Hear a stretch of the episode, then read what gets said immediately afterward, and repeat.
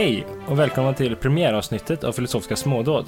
En filosofisk podcast för er som är lite filosofiskt intresserade. Mitt namn är Simon Skau och jag befinner mig i Göteborg. Jag heter Kristoffer Sundberg och befinner mig i den stora metropolen Surte, strax norr om Göteborg. Jag heter William Hedley Thomsson och befinner mig i Stockholm. Den här podcasten har en form av en bokcirkel där vi läser olika filosofiska verk från gång till gång. Till exempel, för det här tillfället har vi valt att läsa den franska filosofen René Descartes. Men ni behöver inte kunna någon filosofi eller läst någon filosofi tidigare eller ha läst boken som vi diskuterar för att hänga med i våra diskussioner. Men om ni är intresserade av formen för hur vi gör det här, vilka vi är eller varför vi gör det, så rekommenderar jag att ni lyssnar på vårt introduktionsavsnitt. Så, varför har vi läst, eh, varför valde vi att läsa Descartes första gången? Vem var han? Varför, varför sitter vi här på första avsnittet och läser just den här texten? Okej, men eh, René Descartes som var en fransman som eh, var verksam i första hälften av 1600-talet, han eh, brukar ganska ofta kallas moderna filosofins far. Så ja, ofta så, ja det är så han ofta presenteras på utbildningar. Han gjorde någonting med filosofin som på något sätt på nytt födde eh, hela filosofiska verksamheten. Eh, det där kan ju säkert ifrågasättas, han var ju samtida med många andra stora tänkare och sådär, men eh, ja, den allmänna bilden är att han var den som eh, på något sätt fick filosofin att gå en liten ny väg. Han föddes i Frankrike någonstans på 1596 och dog 1650 i Sverige av alla ställen. Ja, ja precis. Det är, vår, det är ju Sveriges bidrag till filosofihistorien. Att vi dödade Descartes. ja, tyvärr är det väl lite, det ligger någonting i det. Vi har kanske inte haft några av de här stora kända filosoferna.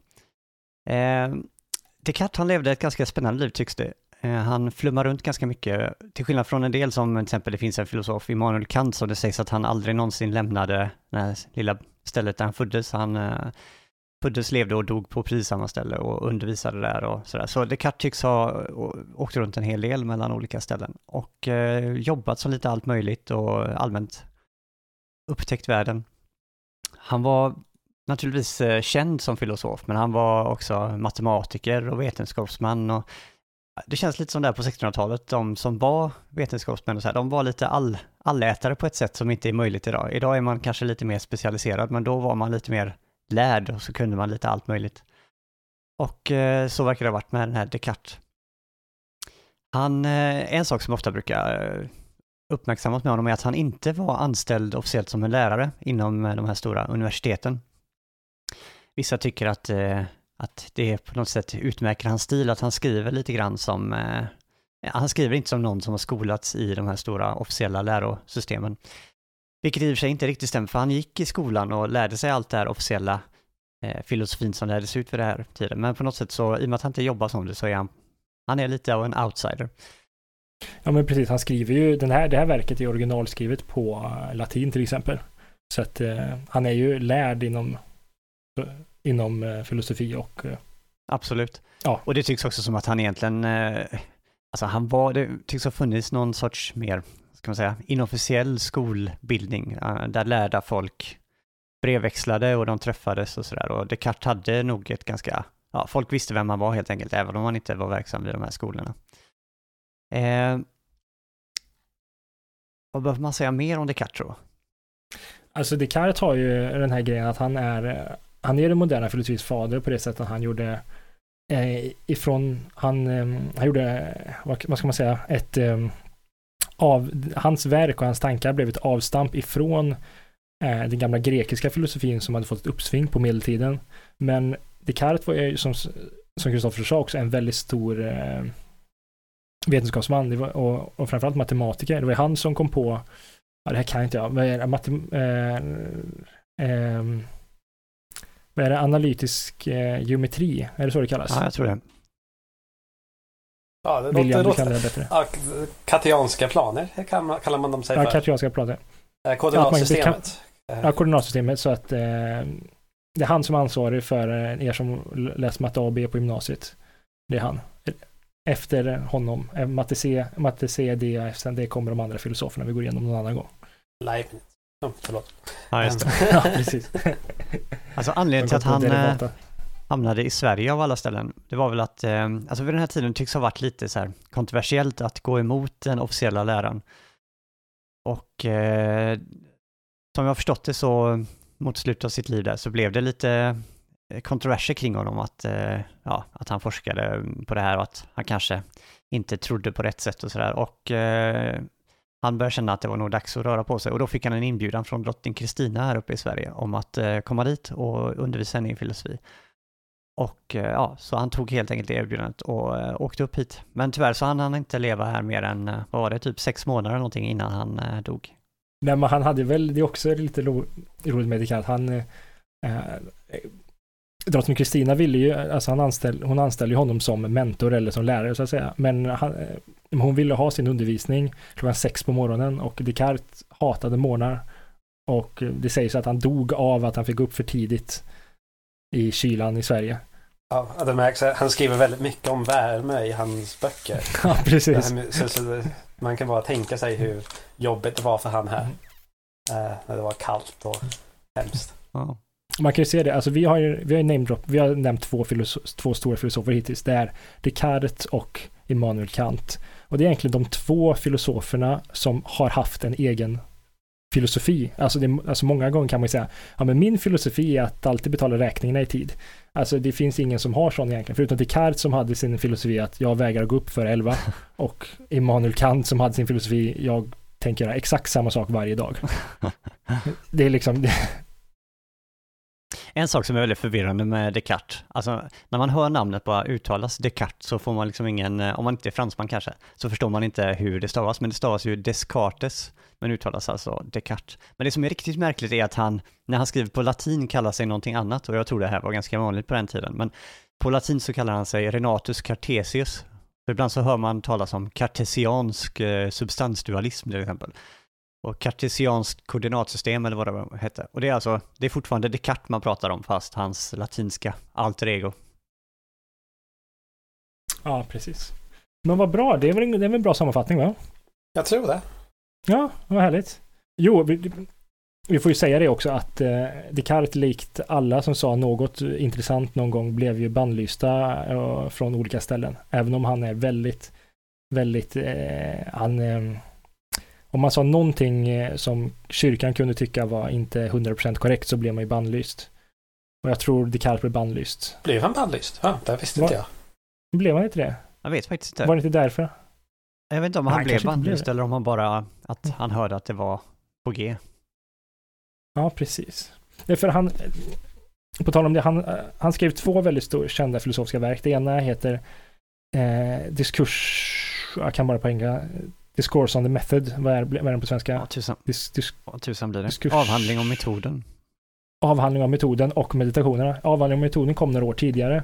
Och där skriver han eh, bland annat att eh, där, ja, det, det fanns en vetenskapsman som jag inte tänker nämna vid namn, men som blev eh, eh, på grund av att hans insikter tolkades fel så eh, dömde kyrkan honom. Så jag har hållit tand för tunga nu i tre år, men jag släpper mitt verk i alla fall. Eh, och han refererar till Galileo då. Jag trodde ju att, det, att han inte var, var så insatt i den situationen. Men, eh, men han läser igenom den för, för en dag sedan. Mm. Och det ser man hur han eh, har, eh, han berättar hur han aktivt har und, undvikit att säga någonting eh, i frågor om Gud eller liknande. Men nu har det spridits, sprids rykten runt omkring honom att han har sagt saker om Gud. Så att nu var han tvungen att komma ut själv och, se, och eh, berätta. För annars så ska han vara rädd att folk inte, han, han, sa, han säger att han litar inte på någon annan än sig själv. Så han, eh, Det märks i den här boken i alla fall. Men eh, man kan ändå säga att Descartes är ganska försiktig. Jag tänker på, eh, alltså först skrev han eh, den här eh, betraktelse över metoden, nej, avhandling om metoden på franska. Och det var väl också någonting man brukar säga är ganska unikt. På den tiden så skrev ju alla på latin, det var liksom, latin var de lärda språk och det var, skulle man skriva något så skrev man på latin och Descartes var ganska, jag tror han var en av de första som valde att istället publicera på franska. Vilket, eh, ja, efter Descartes så började det mer och mer bli etablerat att skriva på engelska eller franska eller tyska. Men, Eh, eh, ja, En snabb fråga. Um, Dante, kom han innan eller efter Descartes? Vet ni det? Ingen aning. För han skrev på italienska och det var ganska stort där i Ah, litteratur. Det Ehm, var, eh, Dante var det det känns som att det borde vara tidigare men eh, pinsamt. Jag frågar kära. Wikipedia. Ehm, Eh, är det okej han var klart för, han var 200 år före. ah, Okej, ja, där ser man. Så, så, så, men jag vet att Dan- Dante startade en trend i alla fall som Descartes kanske hakade på. Ja, så kan det säkert vara. Och när det gäller filosofi så var det ingen som skrev på eh, franska eller italienska innan Descartes. Eh, jag tycker uh, förordet i den här boken som vi har läst, boken heter ju Betraktelser över den första filosofin på eh, svenska. Jag vet inte vad den heter på engelska, Meditations. On the first philosophy. Precis. Och Descartes har ett förord i den här boken där han, eh, för det första så riktar han boken till eh, de lärda vid eh, universitetet i Paris tror jag, just för att han är så rädd att den ska missförstås och då genom att dedikera till dem då så hoppas han väl att de ska läsa igenom den, förstå att det inte är något hedniskt och på något sätt eh, rädda honom från eh, inkvisitionen. Men han säger en sak som är lite lustigt är att eh, han har ju pratat i den här första boken om lite allt möjligt. Han pratar om anatomi och astronomi och lite allt möjligt. Och i den här boken då ska han prata om lite mer allvarliga saker, nämligen Gud och om själen och att själen inte dör när vi dör, så att säga, att det finns ett liv efter döden. Och då menar han på sig att nu måste han byta språk till latin för att annars är det ju risk att ja, svagare andar, som han uttrycker i den svenska översättningen, kan få tag på den. Så, liksom, så eh, man märker att han är väldigt försiktig med de här frågorna, att det är väldigt känsligt. Och det märks i själva texten att han är ganska försiktig. Oh, Man kan, tol- man kan säga det är Ja, gud. retoriskt eller eh, är det retorik eller det är att han ehm, försöker verkligen vara försiktig här. Det, det är lite oklart men han är verkligen försiktig i texten när han pratar om Gud. Ja, precis. Han säger hela, eh, det är oftast, eh, det blir liksom som något mantra för han hela tiden. Att han säger, åh, jag läser ju texten på engelska, så för mig är det en så här, oh, you're the, oh deity, you, you're the great deity, I can think of you, oh it's so great, thank you that I can think of you, now I can think of you. Jag vet inte, det blir bara, Och typ be om ursäkt att han, att han tvekar ibland men, eh, ja men precis, ja det gör jag, ja, precis. Men eh, när vi kommer in på det, ska vi göra en snabb sammanfattning av vad vi just har läst, just eh, meditationerna här. Så kan vi börja gå igenom det sen. Just det. William? det låter bra. Eller Kristoffer, hade du något? Nej, nej, kör. Ja, så boken består av sex kapitel. Eh, ehm, ja, eh, där han går igenom eh, så ämnet vad kan jag veta? Och han börjar med att eh, tveka på allting i de första två meditationerna. Så han eh, skriver ungefär så att Ja, jag ska tveka på allting. Vad kan jag vara säker på? Och då kommer han fram till det väldigt kända citaten Jag tänker, därför finns jag.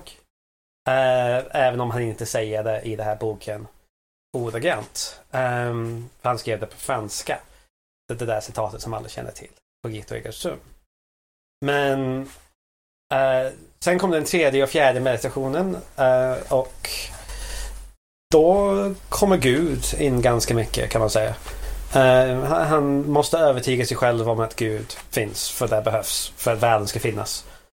Och sen den femte meditation, då kommer matematik tillbaka. Han säkerställer matematik, som vi har pratat om.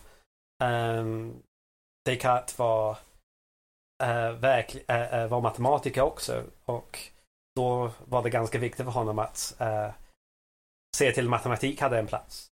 Och i den sjätte meditationen, då kommer resten av världen tillbaka. kan man säga. Och han pratar om liksom vår föreställningsförmåga och så vidare.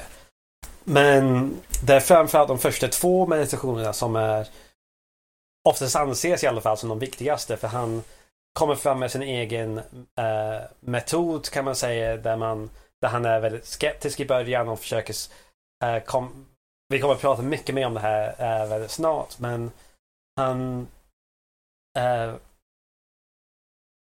tvekar på allt och sen försöker bygga upp en säker bas eh, för sig själv, för, så här, sin egen bas. Och det var ganska unikt för Descartes, eller så här, för den tiden. Det är ungefär min sammanfattning. Har jag glömt något?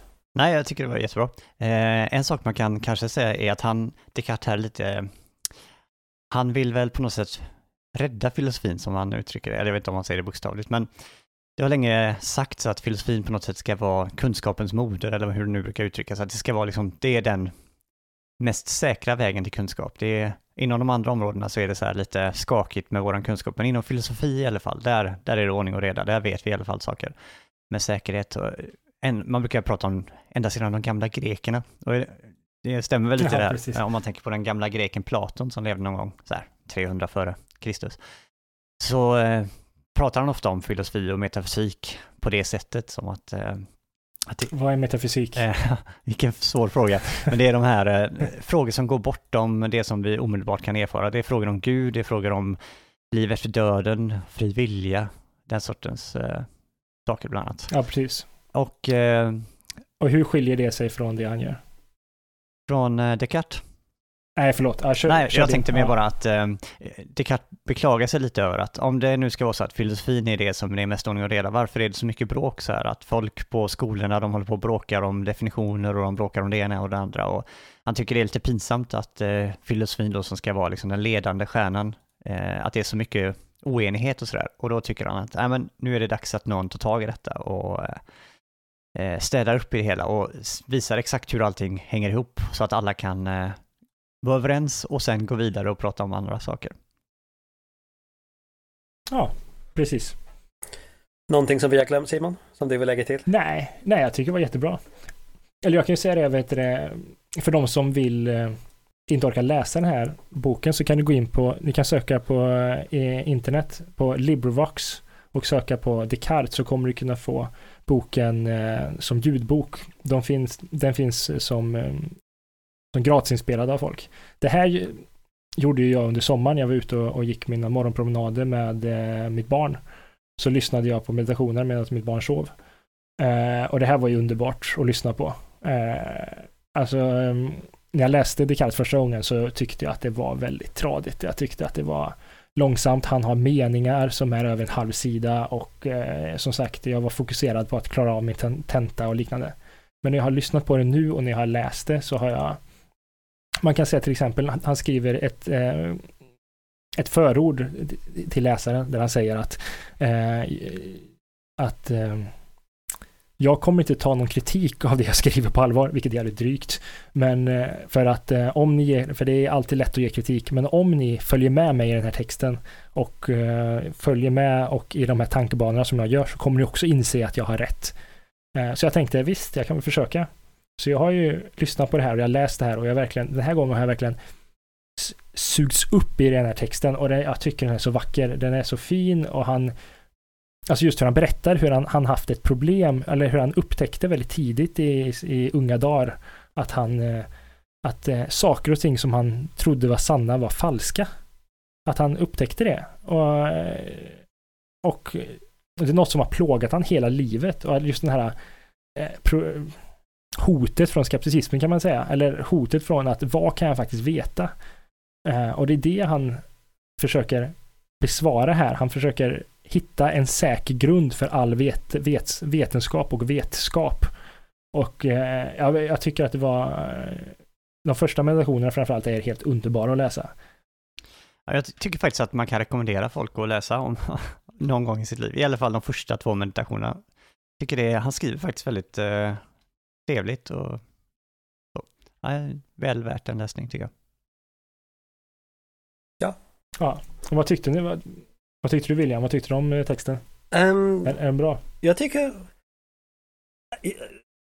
Det kanske är bra att säga att vi har försökt spela in det här en gång innan det här. Ja, Ehm, precis. Det ska sägas. eh, när vi ungefär övade hur det skulle gå till att göra en sån här diskussion. Eh, och då insåg jag att jag och Simon har nästan um, totalt motsatta upplevelser när det gäller hur vi har mött den här boken. Eh, när jag läste Descartes på universitetet, då tyckte jag, då njöt jag jättemycket. Jag tyckte det var underbart och eh, kunde föreställa mig där att jag satt i ett rum och tve- tvekade på hela världen och det var så fint tyckte jag. Och sen nu är jag lite äldre och tänker Nej men det här är bara retorik. Det här det, det finns ingen substans här tycker jag ibland men eh, Ja, det är hur jag Men det var ändå bra. Det var kul att läsa om igen. För det i alla fall. Jag är fortfarande ung och faller för de vack, det vackra språket. Är inte du äldre än mig Simon? eh, ja, precis. Men jag är ung i själen. Jag är som, eh, som Sokrates lärjungar som följer hans varje ord. Ja, jag är en gammal bitter själ till. Ja, precis. Du är en stoiker nu. Ja, nu har vi namedroppat helt fullt. Det var gamla greker som jag namedroppade. Bara så att eh, jag inte behöver förklara det. Eller, ja, skitsamma. De var gamla greker Så- så. De, de gamla grekerna. Jag tror man kan köra det väldigt mycket. Ja, de gamla grekerna sa. De gamla grekerna sa. När man säger så så är det ju nästan alltid Mm. någon av de tre, de tre stora, Sokrates, Platon eller Aristoteles. Den grekiska Jag kollade på en tv-serie här nyligen där de eh, sa Men anser du inte att det är fel att, att eh, göra vapen för att döda en massa människor? Och den andra karaktären bara "Åh, Vadå, ser jag ut som en gammal grek eller? Jag kan inte svara på sådana frågor. Men Helt orelevant. ja, men det är bra Ja. sätt att gå vidare till. Ska, ska vi börja med innehållet egentligen efter Ja, det tycker jag. tid? Första meditationen. Vad, vad är det som händer? Vad gör han? Ja, Det finns ett eh, en liknelse med ett hus. Hur var den, Kristoffer? Ja, men Jag jag, kommer jag tror den kommer egentligen från hans tidigare bok, men jag tycker den är ganska pedagogisk. Han, eh, han liknar hela filosofi, hela filosofin så att säga, med ett stort hus och eh, han påpekar att det här huset har eh, ruttnat, det har börjat gå sönder och falla ner och sådär. Någon måste gå in och laga det.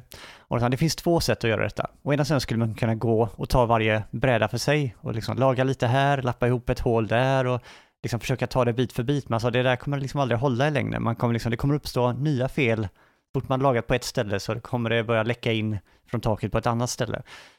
Så eh, om vi ska få någonting eh, som verkligen håller, någonting som håller för lång tid framöver, då funkar det inte att lappa ihop ett redan dåligt bygge, utan vi får riva ner allt det gamla. Fortsätta riva ner ända tills vi kommer ner till grunden någonstans där det, vi kan försöka riva ner, men vi märker att det står fast. Alltså vi knuffar på det, men det ramlar inte. Eh, och när vi har nått den här säkra grunden, då kan vi börja bygga upp igen ett nytt hus som eh, förhoppningsvis är väldigt mycket bättre byggt och som eh, inte går att attackera på det här sättet. Det är, det är ungefär det Descartes vill göra då. Han vill riva ner all den dåliga filosofin som han hittills har blivit eh, matad med kan man säga. Och sen vill han hitta en absolut säker grund. Och så vill han bygga upp då en ny filosofi som är helt säker, som ingen någonsin kan hålla på och bråka om. Och man kan väl säga att den här första kapitlet som vi läser, det är nerrivningsfasen framför allt. Och delvis i det andra kapitlet också är han ganska destruktiv. Och sen försöker han då att bygga uppåt. Men får jag bara lägga till en grej snabbt innan du fortsätter, Kristoffer? Ja. Eh, det kanske är värt att nämna att ehm, i, idag uh, det finns väldigt många av det, av det, väldigt mycket av det modern filosofisk debatt uh, grundar sig i några problem som man kan hitta i Descartes. Till exempel eh, problem med det subjektiv v- v- är mot den objektiva världen och så vidare. Så man kan säga huset som Descartes bygger är en, ga- är, var ett ganska bra eller stabilt hus för vi fortfarande äh, bråkar om det idag. Eller i, i hans hus. Han, hans grundar finns kvar. Ja, det är sant. Ja, man, Eh, man kan ju se det till exempel. eh, Det är väldigt bra poäng för till exempel för häromdagen så tog jag och lyssnade igenom på LibriVox vet du det, hans avhandling av metoden. Eh, och där är de första kapitlen där känns som han skulle kunna skrivit det i en bok som skrevs för några år sedan. Och sen så kommer han in på lite, lite mer konkret vetenskap när han berättar att vi klart och tydligt kan veta att, eh, att hjärtat pumpar eh, ut vätska till magen hundra gånger per dag. Eh, alltså, och då, då blir, och då blir när han, när han pratar om vetenskap så, så blir det upp, uppenbart väldigt alien. Ja. Det blir, blir väldigt så här, det, det stämmer inte. Men, men, men jag tänkte verkligen på det, hur, hur mycket av det han, han skriver känns väldigt, alltså det känns som att det är, eh, någon kunde ha skrivit det för, på 50-talet. det där är ju Och, lite eh, besvärande på ett sätt, samtidigt som det är roligt. Alltså, Mm. Ett problem Ja, men med det filosofi... visar ju trots allt att, Ja, förlåt. Ja men det visar ju att, att, att det fortfarande, vi inte kommit mycket längre än honom. exakt. Det, För att det fortfarande är aktuellt. Eller det, det är alltid fräscht. lite... Om man pratar med folk som inte har läst filosofi och man förklarar vad det är man gör så kan man ibland mötas av den här eh, en viss skepticism här att ja, men varför håller ni på med det? Liksom, filosofer kommer aldrig fram till någonting, de bara pratar. Och när man, när man tittar på sådana här saker så, alltså det ligger ju någonting i det. Ja, jag, jag köper det inte helt fullt, för annars hade jag inte fortsatt läsa filosofi. Men eh, om man tittar på det Descartes skriver om astronomi och anatomi och sådär, så har vi liksom idag lämnat det helt bakom oss, medan hans filosofi är fortfarande diskuteras, så att säga. Vadå, menar du att vi tror inte vi på att eter och grejer finns fortfarande ute i rymden? Jag tror faktiskt att eh, den levde kvar ganska länge ändå, den här eterteorin. Eh, jag tror det var först vid Einstein egentligen som man eh, släppte det. Ja, och i Final Fantasy-spel. Men, Men nedredningsrasen, för det är ju det är ganska intressant i, i, i sig själv. För det hela perspektivet att tveka på allt.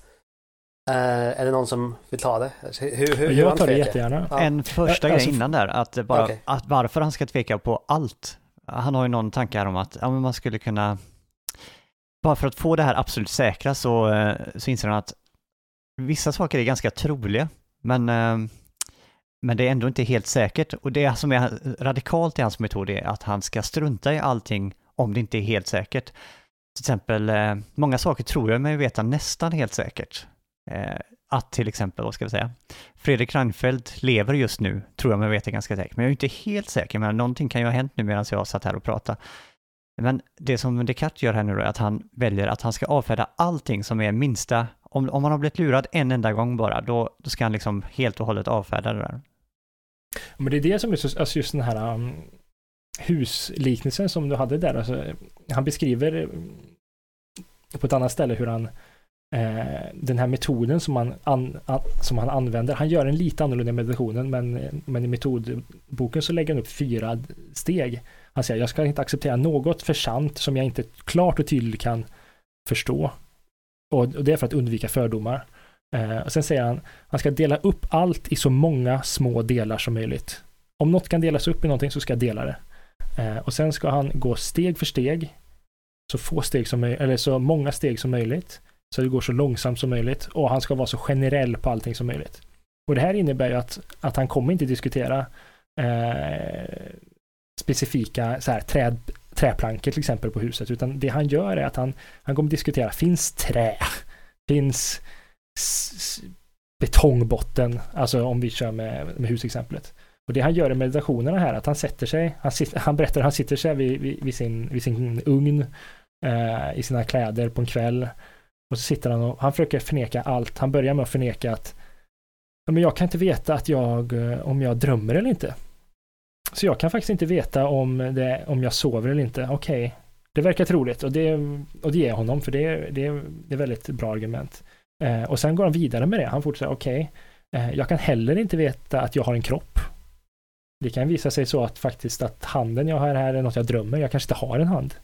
Uh, det kan visa att jag inte har ett huvud överhuvudtaget och han fortsätter så sitt tvekande för han kan, han kan förneka det helt enkelt. Och så länge han kan förneka det så, så har han inte en klar och tydlig uppfattning av det.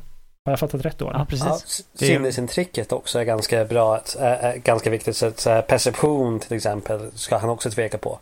Jag vet inte om du nämnde just perception för det, kommer ganska, det är ganska viktigt i andra meditationen tror jag. Mm.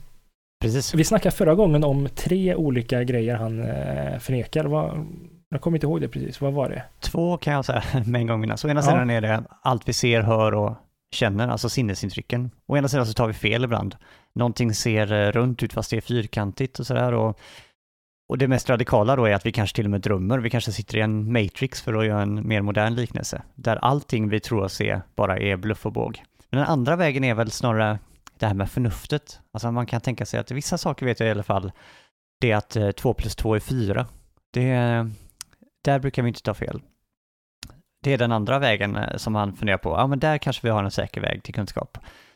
Då gör han någonting som eh, ja, är väldigt radikalt. Han föreställer sig att ja, men det skulle ju kunna vara så att istället för att det finns en god gud så finns det någon sorts ond demon. Eller om vi tänker oss att vi lever i en matrixvärld, att det finns en galen vetenskapsman eller kanske en upprorisk maskin som ska förgöra mänskligheten.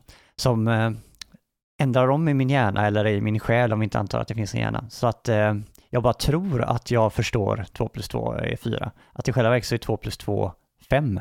Men att varje gång jag försöker tänka så kommer den här onde demonen eller den galna vetenskapsmannen in och ändrar om i mina tankar så att jag trots allt eh, tänker fel. Och det känns ju väldigt långsökt, men om man nu verkligen tar det katt på allvar och säger så här, ja men går det att tveka? Alltså skulle det kunna vara så, hur osannolikt det än låter?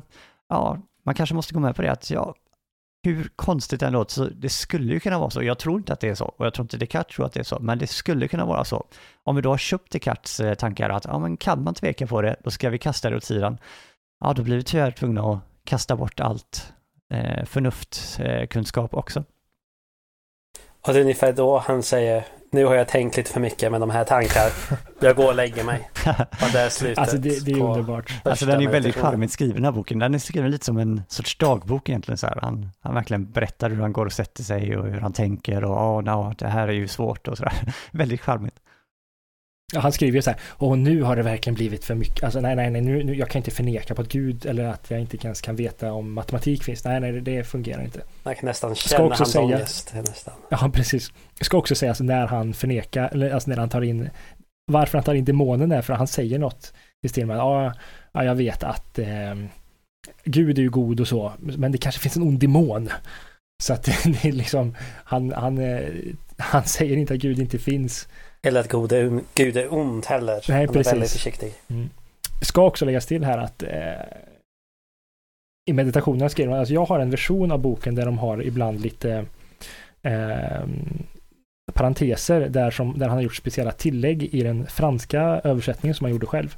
Och där står det bland annat på första sidan att eh, anledningen varför han gjorde den här meditationerna nu var för att han eh, fram tills nu har han känt sig inte beredd att göra de här meditationerna. Men nu när han är gammal och inte och, och, och glad och inte har några kroppsliga behov kvar så kan han sätta sig ner i sin fåtölj och bara tänka. Jag tycker, jag tycker det är underbart. Men det blir ganska radikala konsekvenser av detta. Om vi, om vi, kanske kan det vara nyttigt, eller också är det farligt, men kanske är det nyttigt för alla människor att någon gång försöka läsa det här eller tänka sig igenom det här och verkligen, verkligen fundera så här, vad kan jag verkligen veta helt bortom all tvivel? Alltså vad går det att inte tvivla på?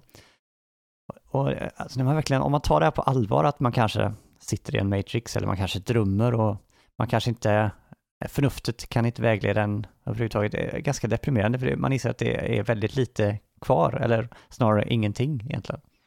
Ja, men han, han gör det till och med ännu starkare. William påpekade förra gången vi spelade in eh, att eh, det, är inte bara det att som vi har vår, vi kan inte veta att, det är vi, att vi är i Matrix. Men vi kan inte heller veta att våra minnen stämmer. Vi kan inte veta till exempel att, eh, att när jag kom ihåg att jag eh, borstade tänderna igår kväll, att det är faktiskt inte någonting som någon bara lagt in i mitt minne nu. Det kan mycket väl vara så att jag är en robot som, som bara har funnits i Eh, till exempel, har, har ni sett den svenska serien eh, Äkta människor? Nej. Nej. Ja, okej. okej, det var inte så långt. Men i alla fall, den handlar om hubbotar som är män. Alltså den är eh, en jättebra tv-serie. Den är eh, mycket filosofiska frågor. Men den handlar om en parallell värld där i Sverige då, som, eh, som där det finns robotar som överallt som alla har. Eh, och så finns det en då som har kommit på hur man kan programmera in själen i, i människor då. Men här kan man också påverka minnena. Och man kan lägga in nya minnen och liknande. Och det finns ju andra, andra filmer, Blade Runner och liknande, där de... Battlestar Galactica. Där, Battlestar Galactica. Nej, men där det finns robotar som man faktiskt vars, eh, de, man skapar robotar och så lägger man in andras minnen. Så att de går runt och tror att de är, att de har massa minnen som aldrig har hänt egentligen. Och det är någonting som Descartes också tar upp här, att han kan inte lita på sina minnen heller. Så att han, han, han, han tänker sig, alltså i moderna termer, att det kan vara så att jag är Matrix, men det kan också vara så att allting jag kommer ihåg att jag någonsin har tänkt, inte, att jag faktiskt inte har tänkt det. Ett ord som ibland används för att beskriva det här är ju solipsism. Solipsism betyder alltså en tanke om att det finns bara jag, alla ni andra är bara drömmar eller bilder. Men är det verkligen, det här är inte riktigt solipsismen för han är inte säker, han, är, han har ingen säker punkt. Han tror inte ens på sig själv just nu. så, så- ännu värre. Ja, det här är... Ja, men gör inte, ja, alltså det, det är metodologiskt på ett sätt här fortfarande. Alltså han... eh, ja, Alltså, mm, ja. Jag bara tänkte på det här Jo, med minnena, alltså- det brukar ibland påpekas Ja, att precis. eh, om man verkligen ja, tror att det bara finns en själv så en naturlig följd av det är något som kallas ögonblickssolipsism som betyder att det är inte bara nog, det är inte bara så att det är bara jag som finns utan det är också bara så att det är bara jag just nu och att till och med mitt förflutna är eh, påhitt. Mm. Så det kanske var det William var ute efter. eh, Okej, ja, det, det är mm, närmare. Men det är ändå, han, han är inte säker i att han finns än heller. Det kommer snart, det följer han Vi går i handlingarna i förväg, precis. Det är korrekt. första dagen. Men eh, nu har vi gått igenom första meditationen va? Och eh, kom fram till att eh, precis som Descartes, att konsekvenserna är ganska allvarliga. Om man tar detta på allvar så tycks det ja, bli ganska radikala konsekvenser. Känner ni ångestfulla nu? Tråkigt nog så känner jag mig inte så ångestfull. Ibland så när jag läser sådana här skeptiska filosofer eller idealister eller så här, som tror att det inte finns någon nyttovärld så jag har lite svårt faktiskt att eh, ta det på det allvar som jag tror det skulle behövas. Alltså jag har lite svårt att släppa min, eh, vad ska man kalla det, fördom om att den yttre världen faktiskt existerar. Och ibland känner jag att jag inte gör texten rättvisa om jag inte får en sån här livskris när jag läser. Ja, men jag får faktiskt säga att jag har, alltså, alltså det kanske var därför som jag kände att den här texten verkligen talade till mig. För att när jag läste den här kursen så, så eh, alltså när jag läste den här boken första gången så var jag en, jag vet inte, jag var väl bara en, en, en dryg uh, ungdom. Jag är, jag är en dryg, lite äldre ungdom nu. Men, uh, men när jag skrev min, uh, min magisteruppsats i filosofi så, så, så skrev jag om just problemet om, kan vi veta om yttervärldens existens? Och det skrev jag just för att för mig så var det ett problem. Alltså det här låter som en sinnessjuk människa, men det, det är inte så, utan för mig var det här ett seriöst problem. Och jag har, alltså den skep skepticismen var någonting som kröp längs min ryggrad. Mm. Där, kan jag verkligen veta att jag inte är Matrix? Var det för Hur att kan jag veta det? Jag fanns där och sa vi kan inte veta det och var skeptisk. och, Jag hörde talas om nej, men... en av våra lärare, eller var du, du var inte färdig Simon kanske? Nej, nej, nej. Nej, men alltså grejen var den just att, att eh, jag, det kan vara så på grund, på grund av att jag har, eh, har faktiskt haft det här och brott, brottats med det här. Eh, så, så, när jag läste om det här nu så, så blev, och när jag försökte följa med honom så kände jag verkligen hur han satt där i sin fåtölj vid elden och hur han liksom så här, nej, nej, nu är det för mycket här alltså. Nu, eller hur han så här, men jag vill verkligen veta om den här handen är min hand. Eller eh, har jag gått för långt? Skickar ni psyk på mig? Eller Nej, det, det är okej. Okay. Jag bara kom att tänka på en berättelse jag hörde om en av våra lärare vars storebror också var filosof och att tydligen han vid något tillfälle i sitt liv när han läste väldigt mycket idealism och skeptiska filosofer kände hur världen försvann. Och jag, har jag hört det uttryckas. Jag, jag vet inte exakt vad det innebär och det låter på ett sätt skrämmande men på ett sätt blir jag så lite avundsjuk det måste vara fantastiskt att kunna ta det på så stort allvar att man verkligen drabbas av det så allvarligt. Men det kanske inte är så sunt heller. Alltså vi är väldigt nära gång i en sidospår här men jag vill försvara det här skeptiska synen på världen. Det kan vara väldigt produktivt. Och man kan, eh, världen behöver inte försvinna bara för att man är skeptisk på vad vi vet om yttervärlden. Det... Nej, nej, det är sant. Men det är en sak men man skulle kunna skilja på. Jag klarar mig, kan man säga. Ehm, man skulle kunna skilja på äkta skepticism och metodologisk skepticism som det ibland kallas. Alltså ibland använder man, och ibland får jag intrycket av att Descartes faktiskt använder snarare metodologisk skepticism, att han tvivlar inte själv utan att det här är en metod för att få fram säker kunskap. Det är inte så att han faktiskt sitter och har ångest över att världen inte finns. Fast jag vill, jag, alltså jag hoppas på något sätt att det var inte metodologiskt, han kämpar i sex dagar med sig själv. Jag vet att det inte är så. Och på den sjunde dagen vilar Ja, precis. Vår kära skapare. Descartes, han kanske inkarnerar, det kanske var där eh, Jesus uppstod helt enkelt. Och så dödar vi i Sverige honom. Aj, aj, aj. Svensk, svenskarna kommer bli de nya judarna. Ja, nej, inte. Och jag kommer att tänka på eh, Bertrand Russell, en brittisk filosof i början på 1900-talet. Eh. Namedroppa. Ja, just det. Ja. ja. Men eh, han eh, har ett skämt som han brukar dra om det här med solipsism. Alltså solipsism så tror man att det är bara en själv som finns och allting annat är eh, bara drömbilder eller någonting. Och han påstår sig ha haft en eh, kvinnlig student som skrev ett brev till Russell där hon sa att eh, jag har upptäckt solipsism och blivit solipsism och jag tycker det är helt fantastiskt och fler människor borde bli det. ja, det är, Men det låter lite för bra för att vara sant, man, jag vet inte om man kan lita ja, precis, på. Ja, det måste ju vara en... Eh, en åh, jag längtar tills vi har vårt Russell-avsnitt. Det finns så många härliga anekdoter om Russell. Men det får vi ta, det får vi ta då helt enkelt. Ja. Um, Andra meditationen då? Ja. Andra meditationen. Vad gör han? Han har förnekat exakt allting. Vad är det? Hur kommer han ifrån det här? Han slutar förnekar. Uh, tycker jag. Um, så han hittar en säker punkt. Att han tvekar. Och eftersom han tvekar så inser han att det är han som tvekar. Det är ingen som kan lura honom att han tvekar på allting. På hans tankar, Nej, på hans minne och så, och så vidare. Och det är där han het, hittar sin första säkerpunkt, är att han tvekar. Och därför tillhör tankarna till honom. ungefär. Ja, precis. Alltså, Har- Håller ni det med? här, ja, jag håller med. Det här är en väldigt säker punkt, tycker jag, skulle jag säga. Jag tycker, det är, Nej. jag tycker det är helt fantastiskt.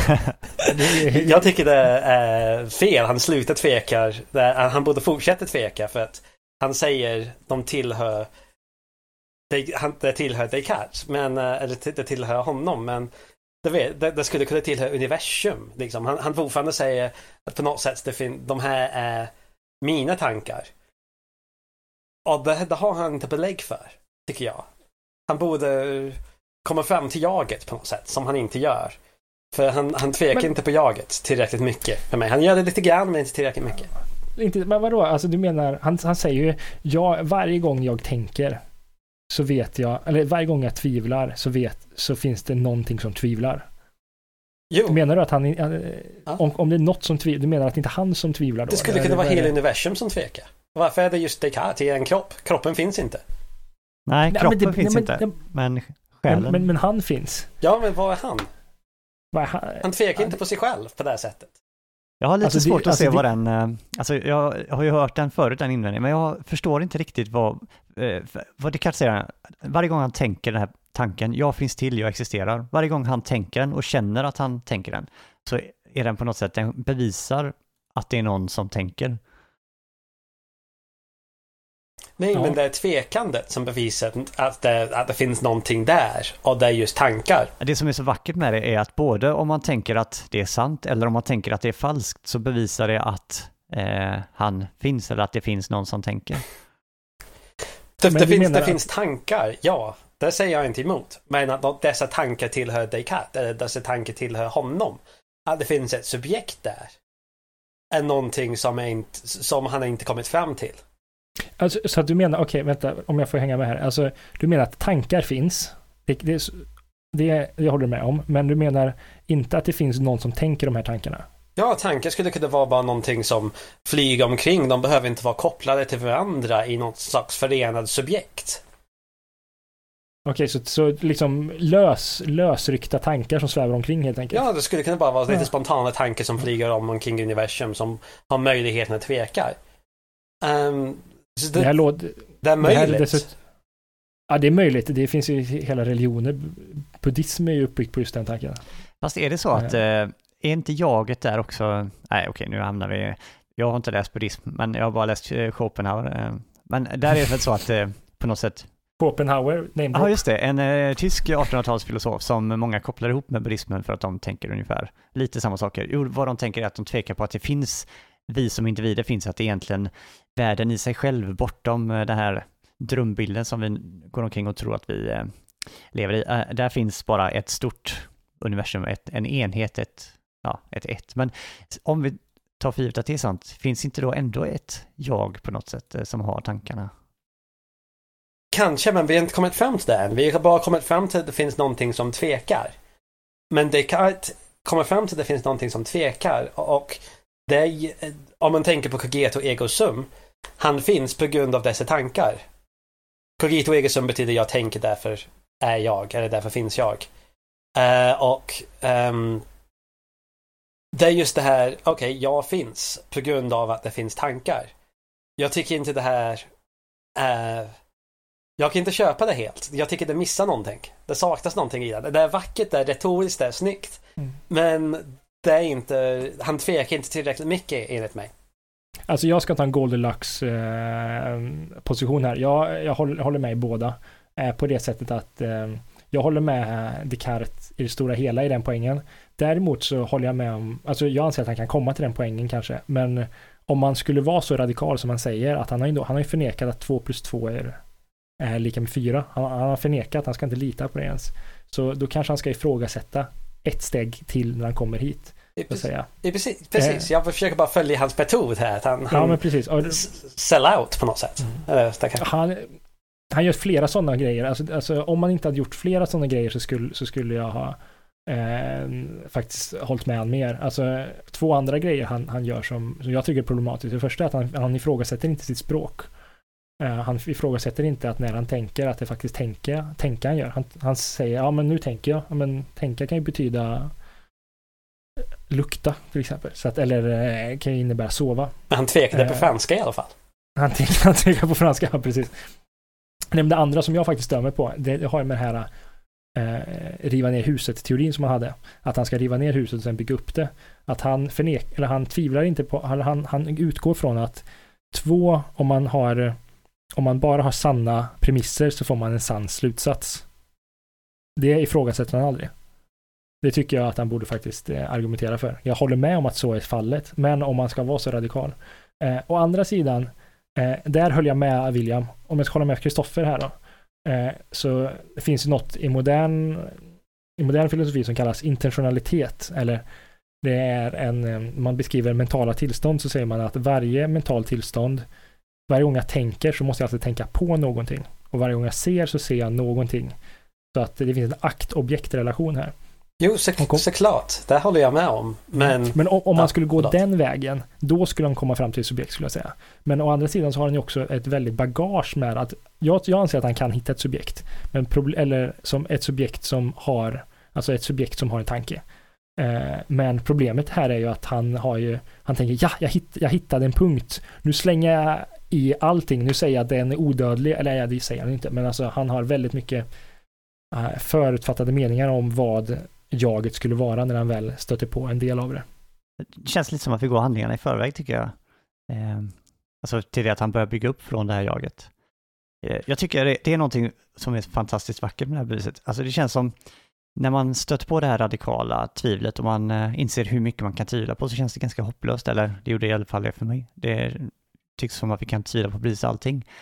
Och vad man gör när man tvivlar tycker jag är att man skiljer mellan sken och verklighet. Alltså sken är hur någonting verkar vara och verklighet är såklart hur det egentligen är. Så ibland kanske det verkar för mig vara som att en grej är gul fast den egentligen är vit eller sådär. Och det, så fort det finns en skillnad mellan sken och verklighet så kan man tvivla på det.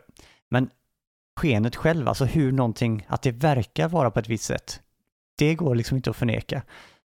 Jag menar, det kanske finns en ond demon som eh, lurar mig att, eh, som får mig att drömma. Men jag menar, bara det att jag drömmer innebär att det finns upplevelser, alltså de här upplevelserna eller det skeendet, att det, att det tycks vara på ett visst sätt, det går liksom inte att förneka. Vi, vi når ändå faktiskt, tycker jag, en fast punkt här där det går faktiskt inte att tvivla på, på det. Jo, Mm. om vi ska utgå Alltså jag lämnar min kritik bakom det. Det här är bakom oss nu. Min kritik. Och vi, Ja. vi, vi Mm. hänger med Descartes nu. Och jag, Ja, håller med. som jag sa i, i, i- förra inspelningen när vi, när vi ehm, försökte göra det här en gång. Så sa jag att eh, jag tycker det viktigaste ordet i hela boken är ordet verkar. För att eh, det är hur, som Kristoffer säger nu, han får eh, han får alla, de, alla våra kognitiva förmågor, inte bara eh, tvivlandet, men saker som perception kommer tillbaka just för att det verkar vara så. Kanske inte perception nu, det var fel.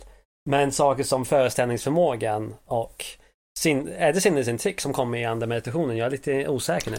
Ja, det finns Ja, det är det. förnimma finns bland annat och sådär. Ah, Okej, Mm. ja, så, så då var perception inte så fel. Men ja, precis. Det, Men här, Vi kan ta upp det här vaxexemplet där, eller, eh, eller skulle du säga något mer om det? eh, vem var du? Ja, du är båda två. Eh. Eh, vi skrev upp citat. Jag skrev upp det här citatet på engelska innan, innan det här började. Eh, om, om verkan, eh, hur saker verkar vara så. In, så det är inte vaxen, det är bara... Nej, men jag, alltså, jag tror det kan bli bra om vi tar, för de, de har ju med vaxet att göra här så vi kan ta upp. Okej, inte- det, det är just när han säger ordet äh, verkar tänkte jag ta upp det. Sen, sen blir det Mm. vax därefter tyckte jag. Men eh, Okej, okej. Okej, men William, eh, jag råkar ha tjuvkollat på ditt citat. Jag tycker det är väldigt bra att ta med faktiskt. Eh, Men ska vi ta det Mm. på svenska istället? Eh, har du den på svenska så kan vi ta det på svenska. Mm. Ja, kör, kör på svenska. eh, Kristoffer. Ja, jag försöker eh, eh, Williams citat börjar. Nej, men eh, Descartes då eh, frågar sig vad vi kan veta och just det här med sinnes, eh, eh, vad ska vi säga, perception, varseblivning. Okej, eh, det, var det var bättre utklippt på engelska ser jag i Williams citat, men eh, jag läser ändå. Slutligen är det också jag som förnimmer, det vill säga lägger märke till de kroppsliga föremålen, liksom med hjälp av sinnena. Just nu ser jag sålunda ljus, hör buller, känner värme. Men nej, han liksom pratar med sig själv här, Descartes. Men nej, dessa förnimmelser är falska, för jag drömmer. Säkert är dock att jag tycker mig se, höra och bli varm. Det kan inte vara falskt. Och, eh, och det är egentligen det som eh, kallas förnimma, tycker han då. Alltså tanken här då är att, okej, jag tycker att det är, jag ser ett ljus nu. Det, det skulle kunna vara falskt, det kanske inte är något ljus där ute, men det går inte att förneka i alla fall att det verkar för mig som att det är ett ljus. Alltså skenet, eh, det går inte att förneka. Och han säger precis efter det, så i minst tal så la jag till en rad efter det. Och där säger han, han försöker säga att det här är bara tankar. Jag har inte lagt till någonting utanför mig själv än. Det, det här Nej, verkandet är bara någonting i mig själv, ingenting som kommer utifrån. Exakt. Så huruvida Ja. det också finns någonting utanför, ja men det är nästa fråga, men det kan man tvivla på. Men just det här insidan, upplevelsen, det kan vi inte tvivla på.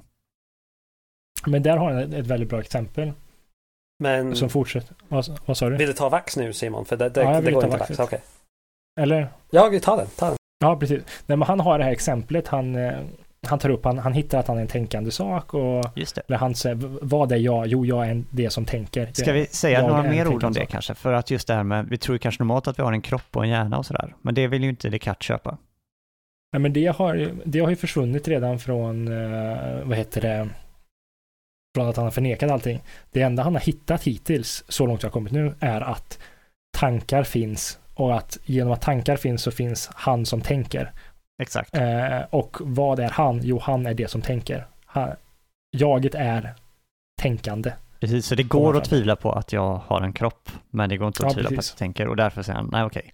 Men här tycker och sen jag... kommer han fram till det här med percep- per perception då, alltså jag kan höra, lukta, känna grejer. Ja, Men det är bara tankar i slutändan. alltid svårt att prata tankar. på detta sätt, för nu när man säger så här, kan höra och lukta grejer, så kan det låta Ja, som precis. att man pratar om grejerna där ute och det kan tvivla på, men Nej, precis. Kan man ha. upplevelsen av att jag ser en dataskärm just nu eh, kan jag inte tvivla på. exakt. Eh, men dataskärmen kan jag tvivla på. Och det han gör här för att illustrera det här, och han tar upp en väl, eh, ett väldigt eh, bra, härligt exempel. Han säger så här, jag sitter här vid, vid min kakelugn och jag sitter och håller en, a piece of vax, en, en bit vax i handen. Eh, han säger att det är, eh, det är hårt. Ja, han, han, han, det, är, det är hårt, det är tungt, det är fast. Det luktar inte så mycket. Och det är kallt. Eh, och det, det smakar inte så mycket heller. Jag fick bara en sån jobbig bild nu så här, alltså vax det är ingenting vi använder kanske idag så här, förr använde man väl det för så här försegla brev och så här. Men man skulle kunna tro så här att ah, men det är öronvax. Det kan jag prata Ja, om. nej, Det luktar inte- ingenting, jag- det smakar ingenting. jag tror det är honung, honungen har faktiskt. Ja. Eh, En, bi, en stor bit eh, honung kan vi säga. Och det han gör sen är att han, han tar handen närmare elden, eller mot sin kakelugn. Och eh, då smälter det här. Och det han säger är att nu ändrar det form. Det ändrar konsistens. Det börjar lukta mer, det börjar smaka mer. Det ser annorlunda ut. När jag slår på det så låter det inte på samma sätt. Och då kommer frågan, men är det samma, är det samma honungsbit jag håller här i, vaxet här? Är det samma sak? Och eh, det här ser jag som en, en, eh, alltså han är ju fortfarande kvar i den skeptiska frågan i det här. Eh, en, eh, hur, hur kan vi lita på, eller hur kan han veta att det här är samma sak? Ja, nu, nu tappar jag bort mig själv känner jag. Men eh, Jag, jag ser det här som ett, eh, en del i hans, kan man säga, krigsföring mot eh, kunskap via sinnesförnimmelser, alltså via erfarenheten. Han försöker här visa att eh, man kan tycka att saker vi ser med våra ögon och hör och sådär, att det är en väldigt säker väg till kunskap. Men Descartes här, han vill peka på att det där är ganska, vi får en ganska oklar bild av eh, objekten. Alltså på något sätt tror jag han menar att det här är samma objekt, det här vaxet hela tiden, men tro, trots det så säger oss våra ögon och våra öron att det inte är det. Men det han säger här, jag tycker det är, det är filosofiskt extremt provocerande. Alltså han, han, han lägger fram en väldigt bra grej i det här med att, vad heter det, ehm, vi, vi, vi, ni behöver, man behöver inte tänka en honungsbit, eh, honungsbit, men han har en honungsbit här och han säger, hur vet jag att det är samma honungsbit jag ser nu som jag såg förut? Men det är väl Eh. omdöme som han kommer fram till? Ja men som... precis, och det är det som är så konstigt. Alltså jag menar, idag så skulle man ju säga att ja, men om, om jag inte kan lita på mina sinnen, vad kan jag lita på då? Men han säger, vi kan inte lita på våra sinnen för att det verkar vara olika saker här. Ja, det, det smakar olika, det ser olika ut. Det är den klassiska, man kan inte gå ner i samma å två gånger. Men, men så säger han, hur kan jag veta att det faktiskt är samma vax? Eller samma honungsbit? Jo, på grund av att på grund av mitt om, eller vad är han säger? Förståndet säger han den svenska. Förståndet. Jag kan med hjälp hjälp av tankarna veta det. Vilket, jag vet inte, fan, det, det är väldigt märkligt. Ja, det är lite Ja. konstigt om argumentet är så här att, eh, att han redan från början vet att det är samma, men att det är bara förståndet som kan berätta för honom att det är det, men inte sinnena. Och att man därför ska lita på förståndet och inte sinnena. Det låter, eh, det låter som att han eh, redan tar för givet att det är samma sak. Jag menar, en stenhård tvivlare som han försöker framstå vara skulle ju kunna säga att nej, alltså vet vi inte att det är samma sak. Det är det onda demonen som bittersubstans. eller Ja, någonting. exakt. Men han, Ja, men han vill inte gå den vägen, utan han menar att Jo, det här är ett men- sätt att tvivla. Även om det är så. Jag, jag tycker så här, även om det här ond demon bitter på vaxsubstansen här. Så jag tycker han är fortfarande väldigt skeptisk för att eh, hans omdöme att det här är vax är på samma sätt som hans um, hans sinnesintryck kom tillbaka på grund av att det verkar vara så. Hans omdöme kommer för att det verkar vara samma substans. Det verkar vara vax Ja. ändå. Så, så, så det, och han säger även att det är någonting som är internt. Han har fått det här omdömeskraften nu. Det är ingenting externt. Eh, och jag tycker det, det är ungefär hur han så här, kringgår det här problemet. Att det skulle kunna vara en ond demon som uh, bitter på vaxet. För det är fortfarande en intern verk, att det verkar vara så. Eh, att han kommer fram till det. Hänger ni med nu? Ja, jag tror det. Okej. Eventuellt är det så att han, eh, att han bara egentligen huvudsyftet är att eh, eh, ifrågasätta sinnena här kanske. Det känns, jag tror att i nästa kapitel att han då där lägger fram en princip som han ska utgå från eh, när någonting är kunskap på riktigt. Jag tänker på det här klart och tydligt för att gå handlingarna i Mm. förväg. Ja, precis. Men det kommer tror jag i nästa. Precis. Jag har en sista grej, alltså, alltså för att spinna vidare på det här och avsluta med version 2 så vi går vidare sen, är ju att han, alltså varför det blir provocerande menar jag, när man tänker på det här, är ju att han faktiskt, eh, eh, om man tänker, ja men att det är olika, eh, oh, nu står det still i skallen, eh, två sekunder. Jo, att, eh, hur, hur, att hur kan han veta att objekten är samma? Jo, genom tanke, inte genom det jag ser. Men så kommer han att tänka på, ja men hur kan jag veta att människorna utanför mitt fönster inte bara är maskiner som har hattar och kläder på sig? Och säger jo men det är för att vi, vi kan tänka. Men så säger han senare att men djur, de kan inte tänka. Så de är bara maskiner och det ser vi. Det är, jag vet inte, hur, hur han, alltså i moderna termer så kallas det här eh, of mind-problemet eller kallas det? Problemet med andras själsliv tror jag det kallas på svenska. Problemet med andras själsliv, ja precis. Och hans, hans svar här är ju extremt eh, otillfredsställande. I hur, hur kan vi veta, och det, det kanske inte, det, det är inte otillfredsställande utan det är filosofiskt provocerande. Men- säga, för att det finns kvar. Men om ser, ja, nu vill jag gå in i den här debatten och försöka försvara Descartes som var väldigt olik mig men det, var, det skulle vara väldigt um, detaljrik. Men, Alltså theory of mind är, är- ju det här, är, är det här att man känner igen att andra är personer. Och det är väl Mm. någonting som man har internt, som man ändå har någon slags omdömeskraft eller någon slags kan bedöma om andra människor finns eller inte i andra personer. Det är bara en känsla man har. Ehm, alltså- Så det är någonting som kommer inifrån. Så jag kan nästan förstå vilket, eh, hur han tänker här. För jag skulle förmodligen hålla med honom i just den här punkten. Okej, alltså för, för att besvara den så vill jag dra en, eh, en historia. Jag var på en, en, en fest en gång. Eh, och så kom det en, ehm, en tjej, en, ehm, en- person dit och, ehm, och vi började prata och jag berättade att jag läste filosofi. Eh, och hon sa då så här, åh vad roligt, jag älskar filosofi. Och så pratade vi lite och så visade det sig att hon var, hon sa, ja, det djurs rätt är väldigt viktigt. Det är hemskt att man plågar djur och att vi äter djur. Jag bara, ja precis, för man, man ser ju att djur lider, sa jag. Bara. Och, och så svarade hon, nej men man kan inte lita på det man ser. Jag bara, nej, nej, nej, nej, okej. Nej, men man har ju visat via vet, via vetenskaper att man kan mäta um, att de reagerar på samma sätt. Och hon svarar, nej men man kan inte lita på vetenskap heller, vetenskap har fel så ofta. Jag bara, jaha. Så hur kommer det sig att vi kan veta att djur lider om vi inte kan se det och vi kan inte veta det genom andra mätinstrument? Ja, jag lämnade diskussionen snabbt. Eller snarare min fru var- tog bort mig. Vad var svaret? Svaret var inget svar. Okej. Men Svaret var antagligen ett Descartes-svar att så här, nej men jag, jag känner det på mig.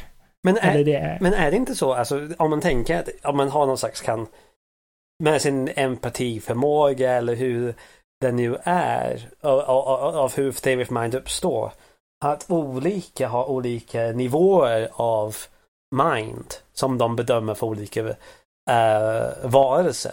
Jag har väldigt svårt att döda en fluga till och med för jag tycker att den kommer lida. Ja, det är Därför att jag, öv- jag överför en of mind till någonting som jag ganska säkert inte har en mind. Eh, och, det, och så andra gör det medan andra ser en häst och tänker men det är ju bara ett djur. Det, det kan, det kan eh, vi döda och plåga utan problem. Eh, för att den personen inte kan känna en mind till, eh, till en häst. ja fast jo, jag förstår, men nej, nej, jag skulle faktiskt säga att alltså visst, vi, vi har um, empati och liknande. Men så länge inte datan som empatin bearbetar, in, vi, om vi inte kan tro på den, då ska vi inte tro på resultatet som eh, empatin tar fram heller. Så om vi inte kan lita på det intrycken vi får in, så ska vi inte lita på vår output heller så att säga. Jag tycker att det är eh, att bara basera sig på det inre och säga att vi inte kan lita på något yttre. Ja, det kanske, jag, förstår, jag förstår. Ja, Eh, inte. Men det kanske bör avsluta med det här um, anekdot om Descartes över hur han bevisade att djur inte har en själ eller ja, det, inga den, ja. tankar. Jag tror jag hörde det från en, en föreläsare i Skottland för många år sedan. Och, eh, så, så han sa, om man tar en katt och spikar fast den mot en, en vägg. Man vet inte om själ för den försöker inte rymma därifrån. Den bara fryser ihop. Men därför att katters um, ehm, uh, eh, sätt att skydda sig är göra sig stark, är stor och eh, uh, vara ganska still. Så, så katten var still medan Descartes spikade mot en, eh, mot en vägg och um, det var Descartes bevis att katter inte har en själ. Ja, fy fan. Ja, det där är- det är en anekdot. då. Jag vet det inte hur sant det är. Det kan... Ja, Hans eh, tankar här om djurs medvetande är väl ett, eh, ett lågvattenmärke i hans skrivande tycker Ja, jag. Men han fick nog ganska mycket kritik redan från sin samtid angående Ja, detta. tror jag.